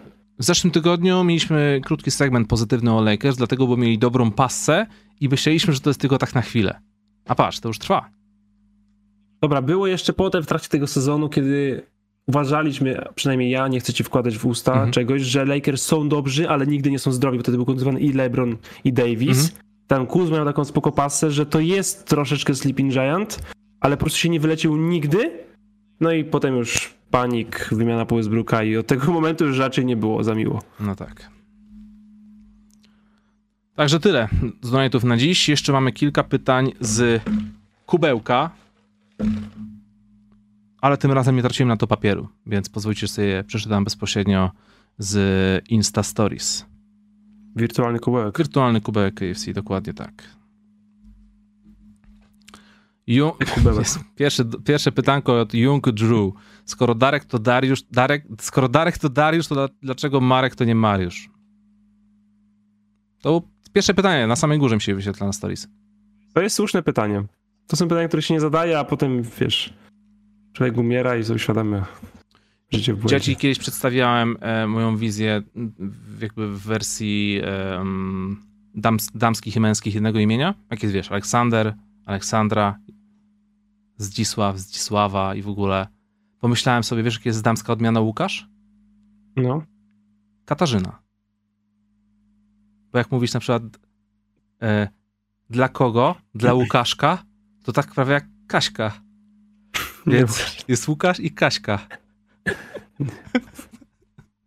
Nie. Ja będę za tym lobbował. Dobrze. A propos Dariusz i Mariusz, to mam tutaj e, mam takiego znajomego, e, który właśnie ma na imię Darek no. i no i ogólnie jest Dariuszem, jest poważnym, dorosłym człowiekiem, pracuje w IT, e, wiesz, jest ogarnięty, dużo czyta, fajnie zawsze można z nim pogadać, ale jak imprezuje, to czasem wychodzi z niego alter ego i wtedy się śmiejemy zawsze, że w tym momencie na imprezie włączy się już Mariusz. Jak już jest Mariusz włączony, to już w ogóle jest, wiesz, inny człowiek, już jest dzikie, dzika bestia po prostu imprezowa. Jekyll i Hyde. tak, dokładnie. Dariusz, Dariusza już nie ma z nami, jest teraz Mariusz na imprezie, z Mariuszem się bawimy, a z Dariuszem możemy sobie jutro pogadać co najwyżej. Okej. Okay. No to to jest super. E, Sadlik, czy jest szansa, że Kat odejdzie z Minnesota i zdobędzie mistrza? I to pytanie może kogoś e, wzbudzić w uśmiech, ale jest druga część tego, tego pytania. Tak jak wcześniej zrobili to Kevin Garnett i Kevin Love. Czyli można, da się. Może coś w tym jest. Oj. Wiesz. No i to jest Kat, pytanie, na Kat które jest, próbuje nam. Kat jest jednym z najlepszych centrów, mimo wszystko, w lidze. Tylko zawsze jest ten problem, że drużyna nie jest zbyt dobrze ułożona, jakiś tam brak klimatu jest zawodnicy jacyś tacy niezaangażowani, fit niedopasowany. Dobra, ale zróbmy sobie takie ćwiczenie umysłowe, że okej, okay, Kat odchodzi do, żeby dojść właśnie do dobrej drużyny z pozycją kontender i wygrać mistrzostwo. Boston Celtics. Ty... Poczekaj, powolutku. Eee, bo widzimy, że Kat jako czwórka to jest tak, że tracimy twoje atuty w ataku, a w obronie jest dramat większy niż był. No więc Kat musi grać jako center to raczej ten obecny sezon Minnesota nam pokazuje. Oczywiście to jest dopiero początek, może się to jeszcze zmienić, ale raczej też coś, coś co myśleliśmy wcześniej, nawet bez tej próbki tego sezonu. Kat musi grać jako center. A więc musimy sobie odpowiedzieć na to pytanie. I Nikola Jokic próbuje na to pytanie odpowiedzieć. Mhm. Czy jesteś w stanie wygrać mistrzostwo NBA z maksymalnie przeciętnym centrem w obronie? Z, z centrem, który nie broni obręczy. Jeśli masz za nim wychodzącego Ala Horforda,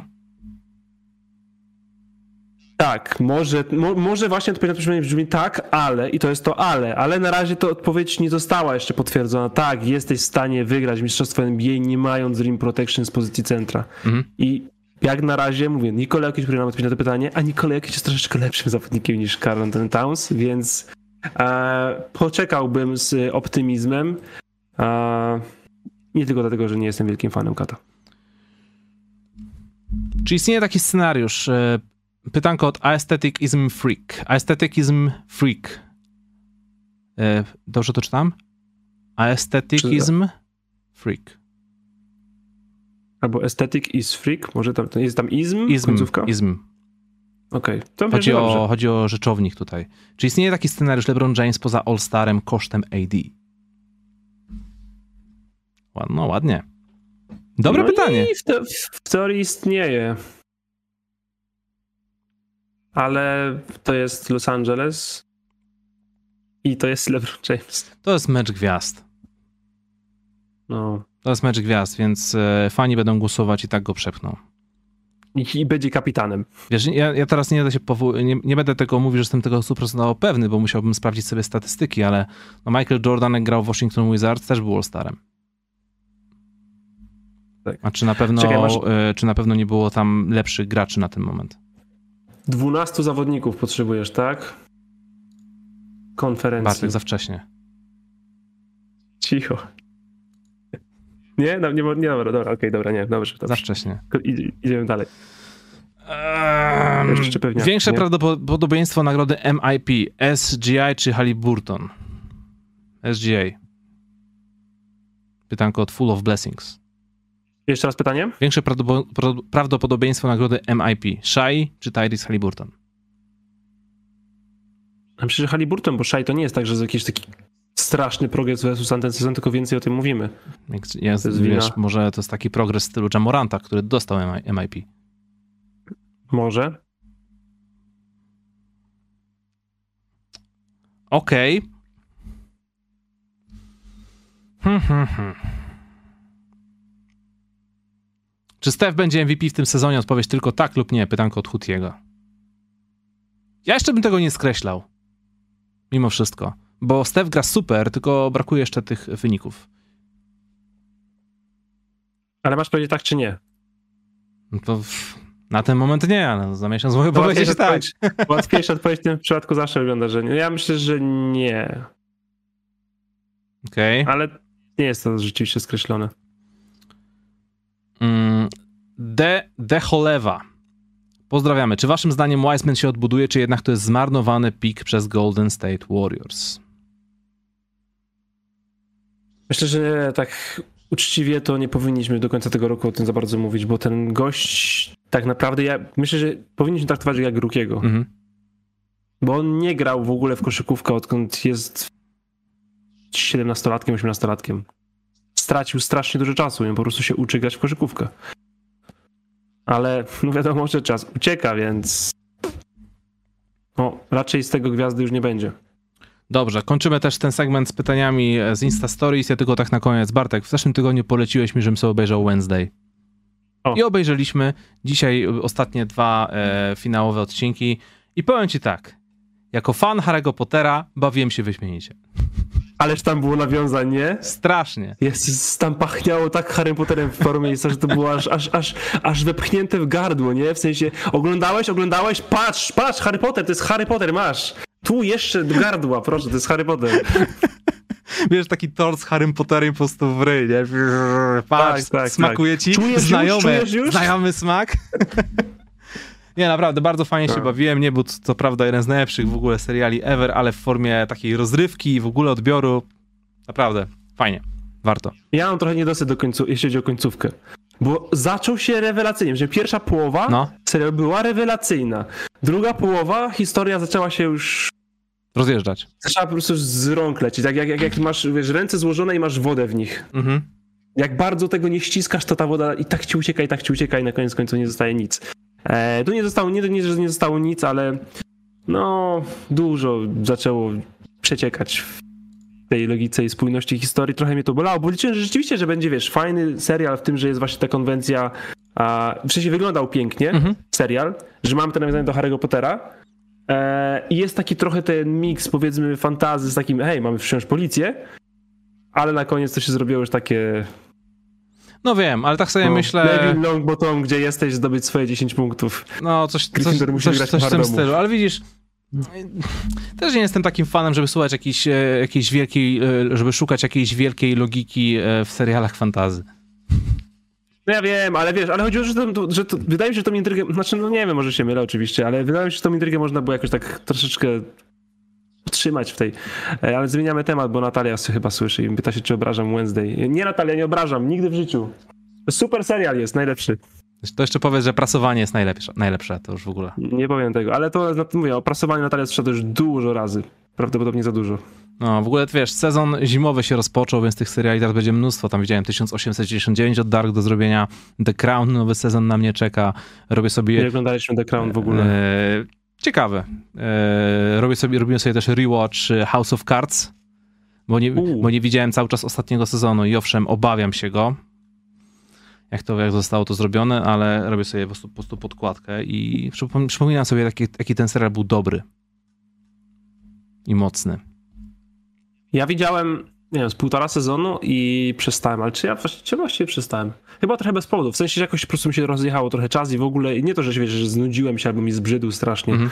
ale, ale, ale ta zajawka rzeczywiście, to nie powiem, że jakoś rosła mi z czasem, raczej się utrzymywała, może troszeczkę malała, ale no początek był na pewno ciekawy. Nie wiem. The Crown nie widzieliśmy, nie wiem, czy, czy, czy chyba jeden odcinek i nie zostaliśmy z nim. Mhm. No ale tak, wiadomo, idzie zima, zaraz trzeba będzie coś myśleć. Midnight Gospel od Donatera właśnie polecił nam. To, to też trzeba wpisać na naszą listę. Dobrze. Bartek, kończymy dzisiejszy program, bo to nie można tak dwa live z rzędu, nie? Wczoraj, dzisiaj, jeszcze jutro byśmy robili to już w ogóle. Byśmy się wyprztykali ze słów. Dwóch introwertyków prowadzi podcast. Śmieszne. Oh. Moi drodzy. Chłop się za, chłop się za ekstrawertyka przebrał. Tak, założył, założył czapeczkę, śmieszną żółtą koszulkę i, i myśli, że jest fajnym youtuberem. No nie. Stefan Muszyński ci odradza oglądania ostatniego sezonu, więc masz szansę może zachować lepsze, lepszy posmak w ustach. No ale ja już to przerabiałem. Widziałem Gry Tron, widziałem Dextera. Wiem, jak to jest oglądać upadek. Dobrze, e, Bartek, bardzo Ci dziękuję za dzisiejszy program. Pozdrawiamy wszystkich słuchaczy na Spotify, Google, Apple Podcast, także na OpenFM. Zapraszamy oczywiście wszystkich do zostawienia nam tam ocen. A i w ogóle na sam koniec, to jest szalenie ważna kwestia. Bardzo dziękujemy wszystkim za oznaczenia wiadomości i w ogóle jeśli chodzi o Spotify Wrapped. Naj, najfajniejsza statystyka, jaką zauważyłem i która mnie tak rozczuliła, to to, że jakieś, że dla 2600 z was jesteśmy najlepszym podcastem na całym Spotify. Tak sobie, tak sobie pomyślałem, wow, 2600 osób odpala Spotify'a, żeby no głównie nas posłuchać. Szokujące trochę, jak, jak tak o tym sobie pomyślę. Ile minut przesłuchałeś muzyki w tamtym roku? W tym roku? E, muzyki coś koło 25 tysięcy. A ty? Chyba z 60. Minut? Tysięcy. Uuu, okej. Okay. Myślałem, że płacisz za Spotify'a, a zapominasz, że go masz. Nie, nie, sporo się okazało, że słucham, a w moim odczuciu słuchałem mniej niż kiedyś. Ciekawe, musimy zobaczyć jakieś stare swoje, czy nie, czy się da tak zrobić, że miałem mniej czasu na słuchanie muzyki. Na pewno mniej słuchałem podcastów, dużo mniej w tym roku mniej słuchałem podcastów. Muzyki wydawało mi się, że też, ale jednak nie. Chociaż to też jest troszeczkę zaburzone, bo jak jeździmy, na przykład jedziemy autem gdzieś daleko, mhm. to mój Spotify odtwarza muzykę. No, to tak. No, ale w sumie też słucham. Ale no więc tak samo na przykład jak ja mam statystyki użycia telefonu, a, no to są zawsze zawyżone właśnie, bo w trasie używane, nie? I potem mapy, 30% czasu w tygodniu, o, zwiększyłeś czas przed ekranem, Bartek, weź się za siebie. E... Daj mi spokój technologią. Idź prasować w wirtualne ciuchy. Ja dostałem tylko jedną rzecz na Spotify Rap, która tak jakby z jednej strony, o fajnie, ale z drugiej um, zapaliła mi taką lampkę, że coś jest nie tak. Najczęściej odtwarzanym utworem był kawałek z albumu, o którym sobie przypomniałem, że istnieje, z 2006 roku. Jak ci mówiłem, że sobie przypomniałem, że słuchałem takiego zespołu Little Brother. I tak sobie pomyślałem, mhm. że wow, ale fajny, miałem powrót do przeszłości, ta muzyka dalej po tych 16 e, latach jest taka zajebista i w ogóle fajnie sobie to wszystko przypomnieć, a po chwili, ej, czekaj, czy ja jestem taki leniwy, że nie znalazłem takiej nowej, bardzo fajnej muzyki, czy może po prostu taki, taka muzyka do mnie nie dotarła, żebym słuchał jej w kółko jak Little Brother z 2006. Ale album czy piosenka najbardziej odtwarzana? E, piosenka z tego albumu, ale dlatego też, bo często ten album słuchałem w całości. Bo ja tutaj daję czerwoną gwiazdkę. No. Nie wydaje mi się, żeby ten algorytm tutaj dobrze zadziałał, bo mi pokazało, że najczęściej, w sensie najbardziej słuchana piosenka, piosenka mogła być najczęściej odsłuchiwana w roku, ale powiedziało mi, że rekord odtworzeń 18 razy miał miejsce 18 czerwca. Ja tego dnia wziąłem ślub Raczej nie słuchałem dwóch godzin tej piosenki Mos Defa. Nie wydaje mi się, że w tego dnia miał czas na takie rzeczy, więc wydaje mi się, że coś tam nie zadziałało. Znaczy wiesz, ja tam stary nie wiem, co robiłeś o trzeciej, czwartej nad ranem po ślubie. Może akurat stwierdziłeś, to jest ten ja moment. wiem, nie siedziałem na Spotify'u, więc, więc też wydaje mi się, że ten algorytm tutaj chyba nie zadziałał tak dokładnie, jak, jak, jak powinien. To powiedz chociaż, który to był utwór. Uh, Sunshine. Sunshine.